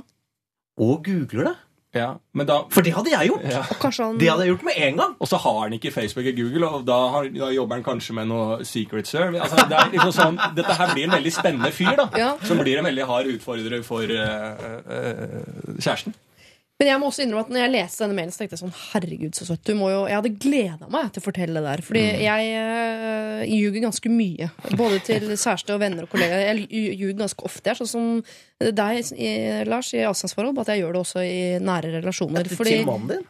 Ja, til folk. For at jeg går på gata, så lager jeg historier. Tenk hvis jeg nå hadde møtt sånn, og det hadde skjedd. Det hadde vært gøy. Og så blir jeg så glad i den historien at jeg forteller den som om den har skjedd etterpå. Dette er lystløgner. Ja, det gjør jeg masse, masse Men ikke noen sånne store ting som setter meg noe godt lys. Eller sånn. Bare helt sånn hverdagslige ting som bare er en litt sånn artig greie. Og så ender Jeg jeg da med det jeg alltid gjør etterpå, er at jeg forteller at jeg har jugd. Å, ja, Nesten alltid. Ja.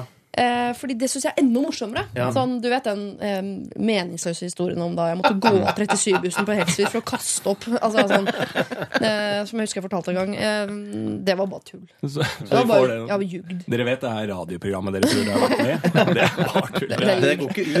Det, er, det skjer bare her inne. Og så hadde jeg jo blitt så glad hvis lokføreren kom hjem en dag og sa sånn Du vet de eksene jeg liksom har hatt? Har ikke noen ekser. Herregud, det hadde vært den lykkeligste dagen i mitt liv! Og jeg hadde, jeg hadde feira i årevis. Ja, for det er, ikke noe, det er bare supersøtt Ja. hvis hun, eh, hvis hun uh, sier det. Altså, det hadde vært verre omvendt. Og bare sånn, nei, Du er første kjæresten min. Du er den første jeg har hatt sex med. Og så på en måte Du, en ting. Eh, Så viser det at det er en Jean-Claude der ute. Ja. som er atletisk. Og i det hele tatt. Ja, det. Da hadde du hatt et skikkelig problem. Dette her er kjempesøtt, og du burde egentlig glede deg til å fortelle, for han kommer til å synes du er eh, enda mer sjarmerende enn før. Han kommer til å ta det som et kompliment, og jeg er helt sikker på at han også blir letta for at det ikke har vært noen der før han. Du er, altså, han er din første. Han blir ikke sammenligna med noen, så videre. Dette her, eh, virkelig, altså. Gled deg. Gjør det i kveld. Ta bilder av det. Altså, ja, nei, dette hadde jeg bare gleda meg til. Og vi vil vite åssen det går. Mm. Du må sende, Jeg er helt sikker på at både Håvard, Lars, Kristin og jeg vet at jeg også er nysgjerrig på eh, hva som kom ut av dette her. Jeg ser for meg et frieri. Altså, skjønner du? Jeg hadde, jeg hadde elsket det så høyt. Eh, Så send det altså inn til oss på samme mail som du allerede har brukt, eller alfakrøll.nrk.no. P3. In Your Arms så synger de eh, Envy, som de en gang het, eller muligens heter fortsatt, men de er altså i en skifte navn-prosess, og skal da over til å hete Du var den eneste som huska det, Lars? Ja, jeg, jeg. Fordi det er Men det når det jeg er den liksom. eneste som husker noe ting, så får jeg Ja. erfaring, sånn personlig erfaring med at det kan ha vært feil. Eh, men det kan være Vince og Nick. Nico, kanskje? Ja. Altså, det, det er noe i den ordlyden. Det er basert på deres fødenavn, da. Ja. De to gutta. Ja. Ok, da, eh, lykke til eh, med det. Eh, Vi skal hjelpe en annen mann som har vel et noe større problem, vil jeg påstå. For vi har snakka mye om brudd og kjærlighetssorg og sånn i dag. For vi befinner oss jo i januar, som er den største bruddmåneden. Folk har holdt sammen gjennom jula pga. familien, og nå orker de ikke mer. Eller man tror man har det fint, helt til man får så mye fritid sammen at man virkelig får øynene opp for hvem man er sammen med. Og tenker ja, men i helvete, 24 timer i døgnet, det der! Tror ikke det slår opp i januar. Rett og slett nyttårsforsetter. Ja. Ja. Og så er det mange som ikke vil være aleine på nyttårsaften, så de, eh, de piner seg gjennom der eh, småtafsinga klokka tolv, mens de andre teller ned. Så tenker sånn, dette kommer til å bli slutt i morgen. Ja. Men altså, vi befinner oss i en bruddmåned, eh, og det er en mann her som sendte en SMS for bare minutter siden, hvor han skriver Hei, jeg er en voksen mann med en voldsom kjærlighetssorg de siste fire månedene etter seks års samliv. Kan kjærlighetssorg kureres ved å treffe masse damer og gi full gass? Eller vil, vil dette gi tilbakeslag? Her må dere ikke snakke på bakgrunn av erfaringer. Det velger dere fritt selv. Men hva, riktig. tro, hva tror vi? Jeg tror det handler litt om sånn, uh, hvor du er Hvor du er i livet. Altså, er du sånn Er du liksom ganske Er du barnløs eh, og ikke kjempegammal, Mm. så tror jeg det kan eh, Så tror jeg det kan være ålreit. Og bare, øh, For for, akkurat i øyeblikket, i hvert fall, så klarer man vel ikke å huske eksen mens man driver og ligger med andre damer. Nei, nei det er jo at man Det Hva skal jeg si? Jeg, jeg, jeg tror også at mm, hvis man har vært har en partner vært, Var det seks år han hadde vært? Mm. Seks års samliv. Mm. Og da hvis man tenker at han har vært trofast, og så er det Ja, for at sex er jo forhåpentligvis en viktig del av samlivet. Vi har jo Ja. hørt eksempler på at ikke alltid er det. Men, men da, ja, jeg tror det. Altså, du trenger jo ikke å ligge med Du trenger ikke å ligge med 100. Nei. Eh, men kanskje åtte? Ja. Åtte er et fint, eh, Ja, åtte er et fint rundt tall. Da Ja. tenker jeg da har du fått Åtte tror jeg faktisk er gjennomsnittet for hva, hvor mange kvinner britiske menn eh, ligger med i løpet av et liv. Så Oi. det er raust eh, anslag. Er det det? Jeg så noe statistikk på det her forleden dag. Så Jeg tror damene er oppe i gjennomsnittet. altså. Ja. Vel å merke. Og da må vi Åtte, legge med åtte i partnere i løpet av et liv? Ja. det er Da legger vi med i informasjonsbunken at eh, britiske menn går jo ikke for å være vakrest i verden, selv om det er min favoritt. For jeg elsker da mørkerødt hår og brune øyne. For, for, altså, jeg mister klærne av det, for jeg syns det er så fint. Ja. ja, men, Eh, men altså men britiske kvinner kvinner er vel heller ikke Nå, nå var det ikke meningen å forvirre hele greia med, Å, med statistikk fra de britiske det er øyer. Ja, er er ikke britiske damer de billigste damene, i, i hvert fall i Europa. Ja, Tydeligvis ikke, da. Det er vel bare å dra til eh, Ibiza, så Ja. ser man eh, hvem som er billigst. Jeg tror det er de britiske jentene. Men jeg tror ikke den statistikken gjelder akkurat de som eh, drar dit. Men jeg syns det er gøy at han, han er sånn Det er ikke sånn Kan det hjelpe hvis jeg treffer en dame? Det er sånn Kan det hjelpe hvis jeg treffer masse damer? ja. Men tror Ja, men vi det, det han er ute etter, da, tror jeg, er litt en uh... du vil ha, hvis, du, hvis du ligger med flere, så betyr jo hver enkelt mindre, ikke sant? Eh, og det vil jo gi en slags sånn eh, kanskje sånn eh, emosjonell sånn nummenhet. Eh, og jeg vil, ikke, jeg vil ikke avskrive helt at det kan være en en ålreit sånn prosessting i forhold til å legge for, at, eh, for å gjøre den kjærlighetssorgen litt mindre, da.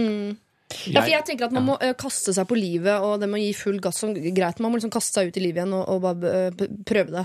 Men å ligge med masse kan ikke det ø, resultere i at man i etterkant vil føle seg enda mer tom. Fordi det man egentlig jakter på Man har kjærlighetssorg. Man vil egentlig tilbake til den dama man hadde, og i kjølvannet så ligger man bare med masse folk du ikke bryr deg om.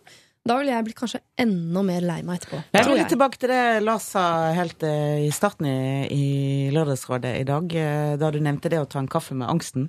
Ja. Ta en kaffe med kjærlighetssorgen. Bare face det. Ja. Du er midt i en helt utrolig kjip tilstand. Det er grusomt å ha kjærlighetssorg, men det kommer til å gå over. Akkurat nå er det ille. Se den i øynene. Ja, jeg husker jo veldig jeg hadde veldig kjærlighetssorg en gang, og da var det sånn at jeg, hadde, jeg greide ikke det når jeg gikk Jeg hadde tanke, og jeg, jeg er typen som kunne gått ut og, og liksom ligget med eh, flest Det hadde vært sånn, det hadde vært riktig sånn for meg å, å gjøre. Det hadde Ja. vært sånn let's go. Eh, og eh, jeg har aldri tatt solarium. Jeg tok solarium e Det er ene gangen jeg tok solarium. Og så skjønner jeg, det var der jeg var. Liksom, nå- deg til- Ja, nå, Ja. nå skal jeg ut der og være kongen. Ja. Eh, men når jeg så på damer, så var det alltid Jeg vurderte de som kjærester med en gang. Så det Ja. passa ikke meg. Jeg var sånn jeg, jeg ville ikke det, da. Eh, og det virker jo ikke som helt eh, denne personen vil det heller. Og, og da tok jeg heller en sånn Så meg litt i speilet, så, som Krise sier her, og, og sånn, så meg selv i speilet og tenkte nå, det er helt naturlig at jeg skal ha det kjipt. Jeg, jeg har jo kjærlighetssorg. Uh, og istedenfor å si sånn Nei, jeg skal ha det bra. Jeg har det bra. Og når folk spurte meg går det bra, så sa jeg ja, det er kjipt. Ja. Og det går over. Så man var litt ærligere med meg selv og ærligere med andre. Og ikke bare sånn Jeg har det helt fett. Jeg bare lå med den dama to damer den helgen her. Og så egentlig når jeg, eh, så er jeg i dusjen og griner eh, på privaten. Ja, for det er to forskjellige typer kjærlighetssorg. Det er den de har gått fra hverandre, og de vet at det er riktig, men det er vondt nå, for det er uansett et brudd. Eller om det er den hun dumpet meg, og det er bare henne jeg vil ha herfra og ut. Eh, Det er to forskjellige er typer kjærlighetssorg. Sistnevnte så tror jeg ikke ligger rundt Det er noen god idé. Altså. Og hvis han har tenkt å ligge rundt, så må han jo eh, da gi beskjed til disse damene det gjelder. Jeg data en fyr en gang som eh, etter hvert eh, Ja, altså egentlig har jeg bare jævlig kjærlighetssorg, skjønner du, eh, angående kvinnen i mitt liv. Så jeg bare å ja, ok, ha det.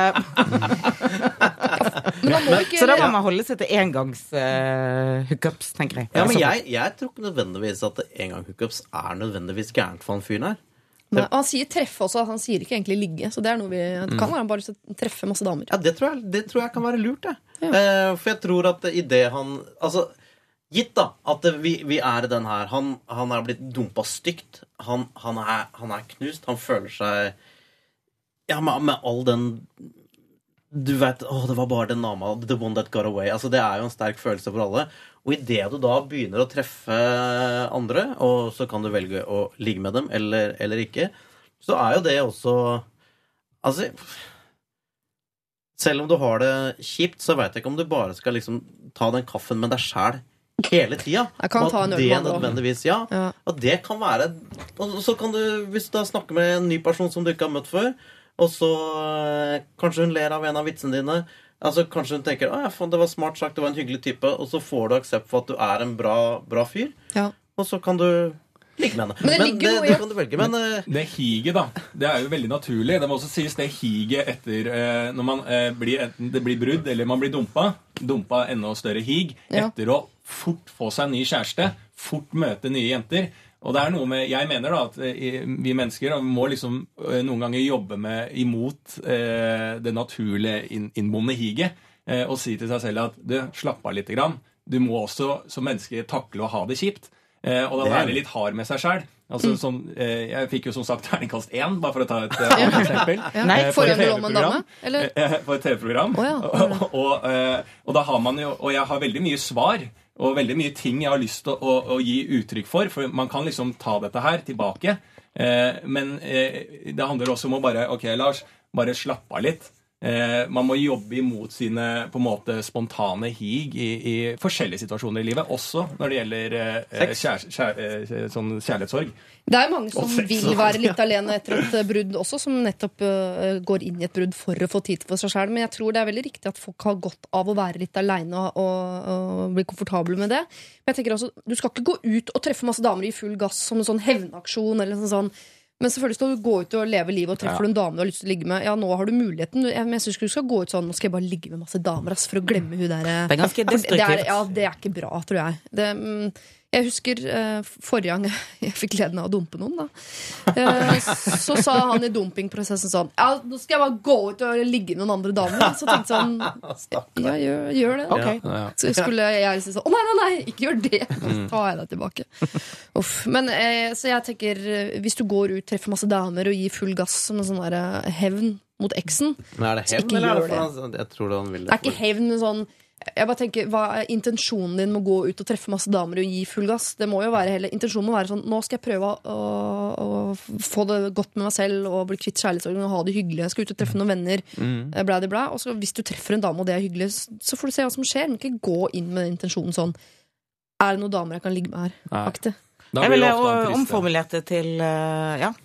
Gå ut og treffe masse folk. Ja. Det er bra. Være sammen med folk. Få- Ha masse hyggelige folk rundt deg. Det hjelper alltid. Men ta også igjen sånn gjennomgående råd. Ta en liten kaffe med kjærlighetssorgen din. Fordi man har godt av å ha det litt sånn vanskelig og vondt innimellom. Det må ikke være full gass hele tiden. Så du kan godt ta en, bitte liten pause når du har muligheten eh, til det, da. P3. Carnival Kids kan du også stemme fram som vinner av Urørt-konkurransen, hvis det er din favoritt. Her hørte du dem med What to do when awake within a dream.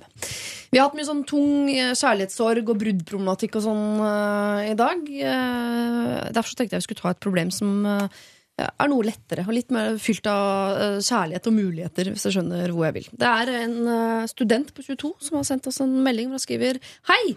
Kjæresten min og jeg, en mann, har invitert to par på middag. Eller jeg har invitert, så jeg må stå for maten. Har dere forslag til hva jeg skal lage? Eventuelt også en dessert? PS. Vi er studenter og ikke masterchef. Altså har verken veldig god økonomi eller veldig gode skills. Men skal da invitere både middag og dessert til uh, inkludert seg selv seks mennesker. Noen som har noe, har noe der? Lag en god bolognese. En bolognese. For meg er det en saus, men uh, det er altså en matrett. Ja, ja, det er jo det med, med pastaen og sånn det hele Pasta bolognese. Mm. Jeg er med. Det er, en kjøtt, det er kjøttdeig rett og slett, og tomatsaus eller noe. Ja, ja, og så skal det koke litt lenger for at det skal bli bra. Også, men uh... Er det sardiner? Som ofte er i god mat, selv om man tror man ikke liker sardiner. Ja, det kan det vel være, men eh, Eller er det ansjos? Men, jeg, men det, det jeg tenker det er et eksempel på en, eh, noe som kan, det kan smake veldig godt hvis Mm. du lager det skikkelig. Det er relativt rimelig, eh, og det er overkommelig å lage eh, hvis du tar deg litt tid. Gå på nettet, finn en god oppskrift, følg den. eh, Ikke improviser. for all del, ikke finn på noe. Hva har vi hatt som dessert til? Si panna cotta. Panna cotta. Nei, det, det er jo Jeg ville gått for noe sånn tradisjonelt. Ja. Noe sånn, Is og bjørnebær, liksom. ja, kanskje en sånn fondant som er sånn varm og flytende inne. Det er veldig Det er ingen som får til. enkelt, men Er det enkelt? Ja, det er jo bare ja, jeg syns det er veldig vanskelig. Eller, ja, Det er ikke så Hardt utapå, enkelt, mykt det, inni. altså. Det er det vanskeligste, altså. Ja, det er bare Ikke for disse pastaforslaget ditt, eh, men um, hvis de er studenter hele gjengen, så er det vel noe de spiser sånn cirka hver eneste ja, dag. De har for mye pasta, ja. Så hvis man først skal ha middagsselskap da, så er det kanskje kult å ta en pause fra spagettien. Mm. Jeg foreslår eh, bacalao, for det at det er egentlig ikke så veldig vanskelig å lage. Det er ganske vanskelig. Det er ikke så vanskelig. Er ikke det nesten bolognese på at du bytter ut kjøttdeigen med fisk? Nettopp. Så, og det skal bare stå i en eneste gryte i noen timer. I noen timer, ja. Uh, det er kanskje ikke like billig å kjøpe fisken som det er å kjøpe uh, spagetti. Men det er ikke, vi snakker ikke om tusenvis av kroner heller. Nå. Dessert der, da. Har du hatt som dessert til det? Oh. Vanskelig. Man må, må ville noe sånn tradisjonell dessert, kanskje. da Kanskje en uh... Skal du si fondant igjen, eller? For det var nemlig det du kake. Kake. Kake og is. Jeg fores... Ja, um, kjøp en god is fra Ben Jerry's eller noe. Ja. Is er alltid riktig. Is. Lars, det, det virker ikke som du gidder kommer ikke til å gidde å svare. Jeg ser det på ansiktet ditt. Du har logget av. Ja, eh, nei, jeg, jeg, jeg, kan, jeg, jeg kan svare, jeg. Og jeg kan si tips om eh, For jeg er ikke noe god til å, å lage mat. Eller eh, eh, jeg har heller ikke noe superøkonomi. Eh, og da er det sånn at eh, det forslaget mitt som jeg gjorde for ikke så lenge siden, er å lage eh, eh, tapas. Eh, I den forstand at eh, Smøre brødskiver. Nei, at man kjøper inn forskjellige typer eh, skinke og, og, og noe sånn, sånn greier, og så har noen rundstykker Ja. som man deler opp i sånne små biter, og har litt avokado, og kan kjøpe aioli for den saks skyld. Og Ja. du bare har litt sånn fingermat som du legger da oppå disse Eller spiser ved siden av de rundstykkebitene. Ja. Og det er veldig enkelt. eh, Og kjempedigg. ja, og det føles litt sånn eh, Wow, nå er det lørdag. Nå eh, er vi på noe fint nå.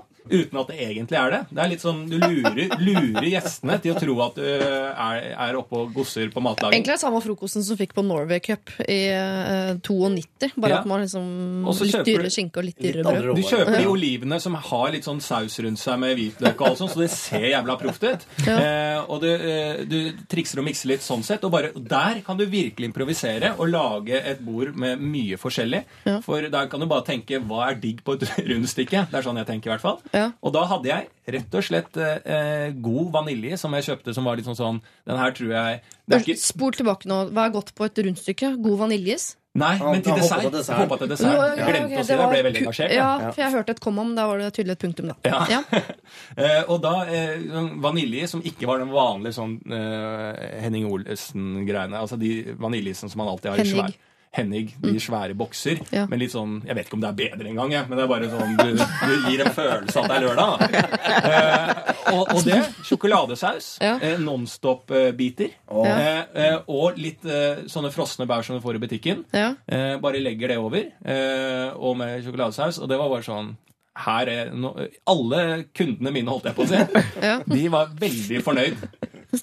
Blåste ballonger og serpentiner, og alle fikk hatter og sånn òg, eller? Nei, det Nei? gjorde jeg ikke, for det var mye finere enn det. Det er tapas. Eh, og, det må, eh, og når de inviterer tapas eh, så, Og jeg la litt sånn bordpynt. Ja. Jeg la litt sånn og stearinlys, Ja. eh, og hadde vinglass på bordet. Men var det med noe vin der? Ja, de Ja. hadde med vin. Jeg Hvor- hadde også- Hvordan pynter du bordet?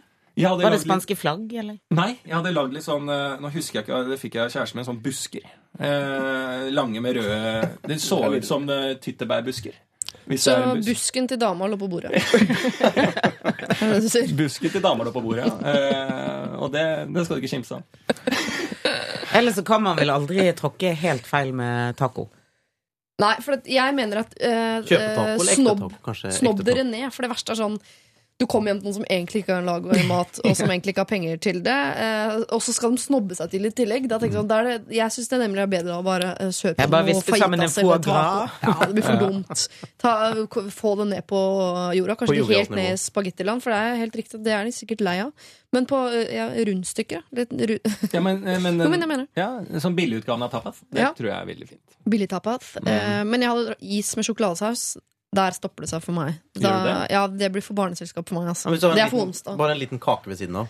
Nei, men, men jeg, jeg har rykter, jeg har hørt rykter om at hvis du tar vaniljes, dette høres vondt ut, folkens, olivenolje og salt over vaniljes Se, perfekt! Ja. Det er Det veldig. Det er en veldig rar smaksopplevelse. Men hvorfor Det er også du, litt tilbake til det du sier. Ikke, snobbe, altså, ikke vær så snobbete på det. Ikke ta vaniljes med oliven. Ja, og men olivenolje har du, salt har du. Ja, men det er jo sånn en ny, rar smaksopplevelse. Gi dem noe som er godt. Ja. Is med sjokoladesaus og noe bær. Ja. Ja. Frosne bær, altså. Du Ja. tiner dem ikke heller? Jo, må tine dem. Tiner dem. Ja. Og der kan det renne av de pakkene. Ja. Det er alltid like overraskende. Så ha en legg det i en bolle. Jeg vet ikke om det var Skriv ned dette, folkens. for Dette, dette er gull. Dette får du ikke fra Hellstrøm. Nå kommer kokeboken? kokebok. Jeg driver også en blogg eh, Ja. der jeg driver og legger ut eh, matoppskrifter. Det gleder jeg meg til å lese. Ok, Student22, eh, lykke til. Eh, ta en MMS og send det til oss. Eh, Kodeord P3 til eh, 1987. Dette er Lørdagsrådet På P3. P3. Helt sikkert et forbilde for veldig mange jenter som driver eh, med musikk. Eller folk som driver med musikk. Unnskyld, Susanne Sundfør. Altså folk som driver med musikk. Eh, Susanne Sundfør sammen røykes opp her, 'Running to the Sea'. Og vi har også hørt 'Solid Ground' av Marit Larsen. Hvor, eh, kan jeg spørre deg om det, Kristin Vincents? Du vet jo sikkert sant, kanskje. Hva driver Marit Larsen med nå? Ja, lager hun noe Hun er på gang med en ny plate. Hun er det, ja. Hun har vært i Amerika og spilt inn. I Nashville, tror jeg. Oh, bra. Kanskje det er hemmelig? Uff. Jeg sa det ikke. Jeg savner henne. Jeg savner deg i hvert fall, Marit. Eh, Samme. Selv om jeg fortsatt liker å høre det du lagde for lenge siden. Men jeg gleder meg til å høre noe nytt. Nå sitter det to gutter og ser på meg med store, rare øyne. Hva snakker du om? Jeg savner- savner Marit Larsen sjøl, jeg. Du gjør det, Håvard Lille. Hei, jeg savner Marit Larsen. Hva med deg, Lars Berrum? Ja. Ja. Jeg har ikke, jeg, jeg har ikke sånn at jeg har følt på savnet. Eller musikken går jo sin gang, den. Ja. Det er det som er med de musikkartistene. Jeg har sett at uh, Hans Majestet, uh, altså Hans Olav Brenner, eh, har fått henne inn i bilen sin. Så hun blir med i dette TV-programmet. Ja, da, er det, da er hun i hvert fall, skal hun i hvert fall være aktuell med noe når hun Går inn i bilen med fremmede menn. Ja, Ja. Da, da er det noe som skal da skal Det er noe som skjer. Ja. Ok. Vi skal ta et uh, siste problem i Lørdagsrådet fra en som heter Simon. Han skriver til oss Kjære Lørdagsrådet. Jeg er en kar på 22 som har startet å studere arkitektur, og mitt første år er over til sommeren. Jeg trives godt på arkitektstudiet og finner veldig mye av det som er interessant, men Ja, det måtte komme et men. Jeg elsker TV-serier. Og min største drøm her i livet er å være med å skape en TV-serie. Jeg elsker å fordype meg i karakterer, høre kommentarspor av produsentene, forfatterne og lignende på DVD. Jeg får ikke nok av paneldebatter og intervjuer med skapere av TV-serier. Er TV-serier bare en fin hobby jeg må ha resten av livet, eller er det noe mer her? Hilsen en som i tillegg til å se mye TV-serier, også hører på radio. Simon heter jeg, da. Jeg liker typen. Oi, ja, det elsker jeg. Mm. Det første jeg tenker, er jo nå må, Det er ikke bare noe, en hobby.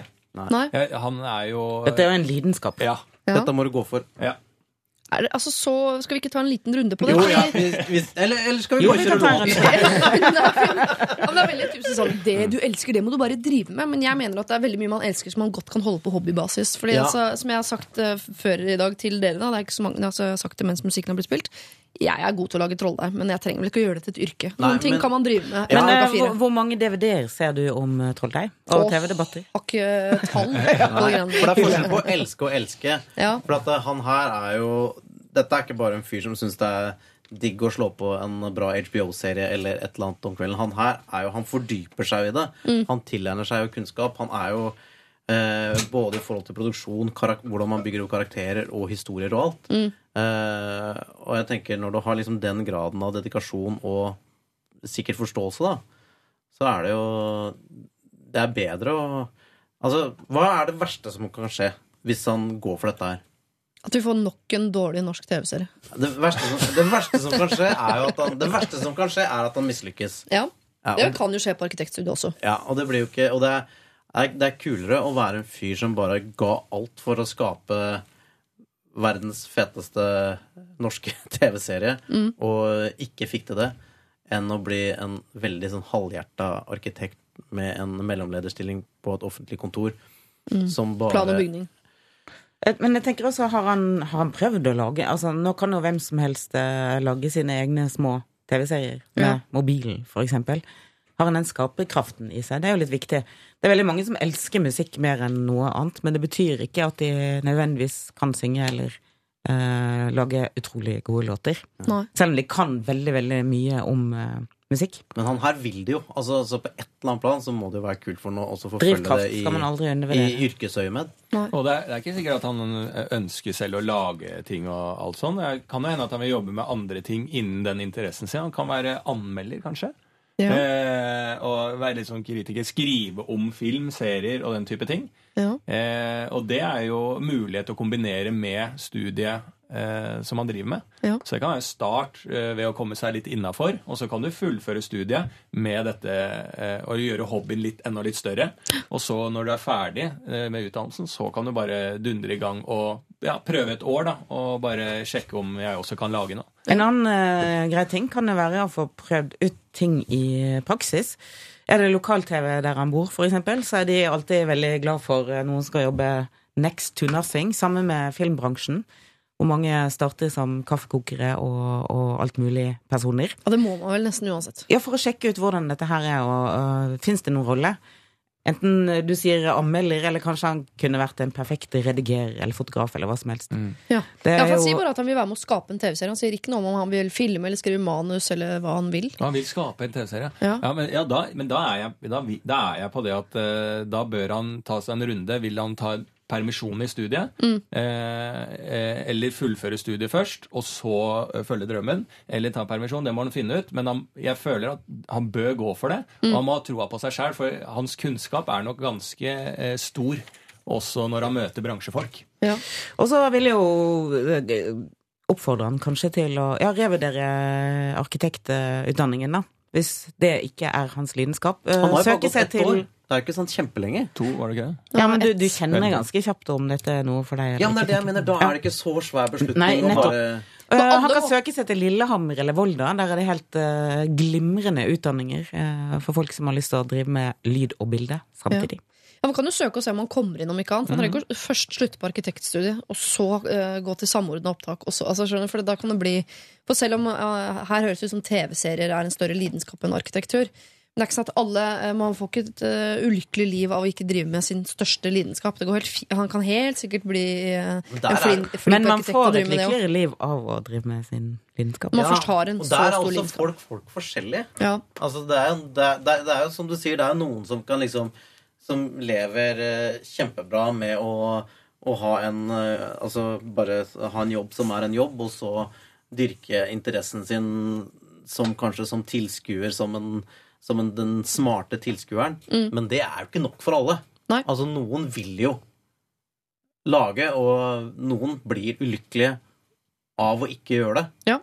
Så hvis han er en sånn fyr Ofte, i hvert fall hvis det er innenfor kunstsjangeren. De oppfatter jeg som mer lidenskapelig enn mange andre. At eh, de blir ulykkelige hvis ikke de kan drive med det som er deres lidenskap. Så, så hva sier vi at Simon skal, skal han søke? Jeg ville gått all in. Men mener du da begynne å koke kaffe på en eller annen produksjon mens han studerer arkitektur, og så ta derfra? Eller slutte på arkitektstudiet, søke Lillehammer-Volda?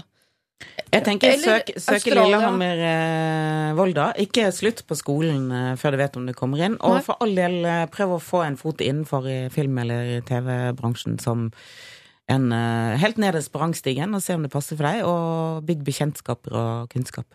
Jeg tenker litt annerledes. Ja. Jeg tenker at eh, hvis det er liksom dette her Hvis du finner ut at det er dette du vil, så kan det være lurt å bare liksom kutte all sikkerhet. Mhm. Eh, altså det som på en måte er liksom plan B. Bare drit inn. mm. Og gå all in for å få til dette her. Se på alle muligheter. Begynn å skrive hvis du er bra på det. Eh, søk på skoler, og bare gå all in. Ja. Og eh, da tror jeg sjansen for at han får det til, er større enn hvis han hvis han alltid har liksom Ja, men jeg kan jo alltids bli arkitekt. Det, det er jo? Jeg, jeg ville aldri gjort det selv, for jeg er ikke en sånn type. Men jeg syns det er, høres veldig riktig ut å gi som råd, hvis Simon er en sånn type, at eh, hvis du går for dette med TV-serier nå, så må du kutte alt annet og gå bare for det. Fordi det er ikke alltid man får til ting før det er eneste mulighet, hvis du skjønner. Hvis han i tillegg skal drive og fluffe arkitektstudio og alle de tingene der, så er det egentlig bare i veien. Får ikke tid Men da må han Altså, gjøre det, for det er Ja, nok ja, ja. av folk som eh, kutter alt eh, innimellom for Å nei, men da tester jeg Kanskje jeg skal bli skuespiller heller. Det, Ja, ikke kutt arkitektstudio og bli sittende hjemme og se på DVD. Det er dumt. Altså, da må du virkelig liksom uh, ta i et tak. Mm, dette må du tenke på selv. For hvis ikke du kommer inn på Lillehammer og Volda, så har vi jo studier i alle andre land i verden som også tilbyr samme type og det er masse TV-produksjonsselskaper som uh, tar inn folk. Så ja, å- mulighetene er endeløse. Man trenger ikke alltid å studere seg til en uh, sånn type jobb. Det er vel ingen, er det noen som har studert noe som gjør at de sitter her uten dette bordet her i dag? Jeg har da min cand.mag. I, hva var det igjen?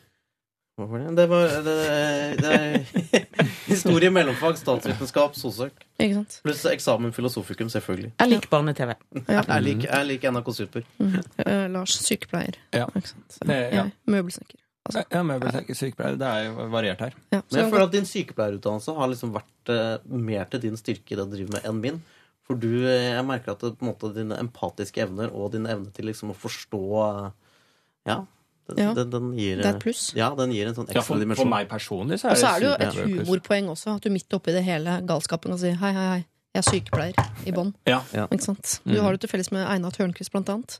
ja, han er barnevernspleier. vernepleier. Vernepleier, ja. ja. Jo, jo, om du skjønner samme. Ja, det er Det var eh, morgenens siste problem i Lørdagsrådet. Straks skal vi dele ut en T-skjorte til den vi eh, føler et eller annet sted på kroppen at uh, fortjener det mest. Uh, basert på hva? Det vet ikke jeg. Det bestemmer dere selv. Dere kan tenke litt på det uh, mens vi hører den nydelige låta Berlin. Berlin heter eh, låta, og eh, mannen som eh, synger, kaller seg Rye X og kommer fra var det Australia, Nå fant ut, kjære produser, tekniker Rolf. Takk for info. Eh, vi skal dele ut en T-skjorte. Eh, når jeg sier vi, så er det da dere, egentlig. Dagens rådgivere. Lars Berrum, Håvard Lilleheie og Kristin Vinsens. Jeg skal eh, oppsummere dagens kandidater, da. Eh, vi eh, gikk hardt ut tidlig i dag med en jente med fylleangst som hadde danset toppløs blant annet i nyttårshelgen og er redd for sitt gode eh, rykte. Og så har vi en gutt på 16 som føler seg annerledes. Han blir til stadig spurt om han er homofil, og det syns han er litt plagsomt, for det er han faktisk ikke. Eh, så har vi et eh, eh, her fra en dame på 50 som eh, ikke har hatt sex de siste ti årene med mannen sin, og lurer på om hun kan begynne å ha sex med andre, om det er greit, eller om hun må ut av det hele. Det ønsker hun ikke, fordi det gir henne en økonomisk utrygghet hun ikke uh, har, lyst til å gå inn i. Vi har prøvd å hjelpe en lyvepav i dag. Altså En jente som har jugd på seg en tidligere kjæreste. Altså jugd på seg litt erfaring, og nå står hun ganske sånn hardt inni en løgn som egentlig bare var ment som en liten hvit en i utgangspunktet. og Lurer på om hun kan eh, nå avsløre sin egen løgn, da. Ja, sa vi til det. En mann som lurer på om det kan være lurt når man har kjærlighetssorg, å bare øh, treffe masse nye damer og bare kjøre på for å komme over dem. Vi har også hjulpet noen med å finne ut av hva de skal spise til middag i kveld. Eh, også inkludert av dessert, eh, hvor vi vel til slutt havna på vaniljes med sjokoladesaus. Kreativt som faen. Eh, og til slutt her en, eh, en arkitektstudent med en eh, gryende eh, TV-seriemaker-entusiast i, eh, i hjertet sitt. Hvem av disse føler at trenger eller fortjener en T-skjorte? Det jeg synes er, for meg med dagens sending, at det har vært en del sånne Noen ganger når du er på Lørdagsrådet, så tenker du at åh, i dag var det litt sånn tulleproblem med folk som du egentlig tenker bare skjerp deg. eh, men i dag synes jeg det har vært en del sånne reelle, sånn, litt sånn vanskelige problemer. Han som eh, er det Alle sier Alle spør om jeg er homo, jeg er ikke det. Uh, uh, hun som er redd for at alle skal tro hun er billig fordi hun har ligget i mye senger. Og, og man kan jo sikkert si at hun, siden hun dansa toppløs, kunne trengt en T-skjorte. Men jeg, for meg eh, så er det Hvis ikke ti år uten sex kvalifiserer til en T-skjorte, da, da skjønner jeg ikke hva som skal gjøre det. Spørs om det er en T-skjorte hun trenger. Jeg identifiserer meg veldig med han eh, 16-åringen som føler seg annerledes. Jeg vil at han skal få T-skjorten, og hver gang han tar den på, så skal han bare høre et rungende 'hold ut' fra oss. Du kommer til å bli den kuleste til slutt. Du er den kuleste, men du kommer til å bli klar over det etter hvert. Det er jeg enig der, Kristin, med deg, men eh, for å svare noe annet, eh, så vil jeg gi deg T-skjorte. Må jo det for å lage det her. Ja, Ja, ja, ja, vi må ha spenning. Herregud. Skulle kanskje ikke sagt det, men eh, det gjør jeg. Så får lytteren være med på min tankeprosess. Dramaturgisk riktig tenkt av deg. Ja. Ja. Jeg vil gi den T-skjorten til hun som dansa da toppløs. Ja. Eh, som kanskje også er en som trenger det. Eh, og kan ta med den T-skjorten på hytteturer i fremtiden. Mm. Som en påminnelse på at hun får veldig fylleangst når hun bare dundrer på. Mm. Eh, men kan ta med rådet at det er ikke noe gærent med fylleangst. Eh, at du må ta en kaffe med angsten. Mm. Eh, og det kan du huske på hver gang jeg har denne T-skjorten.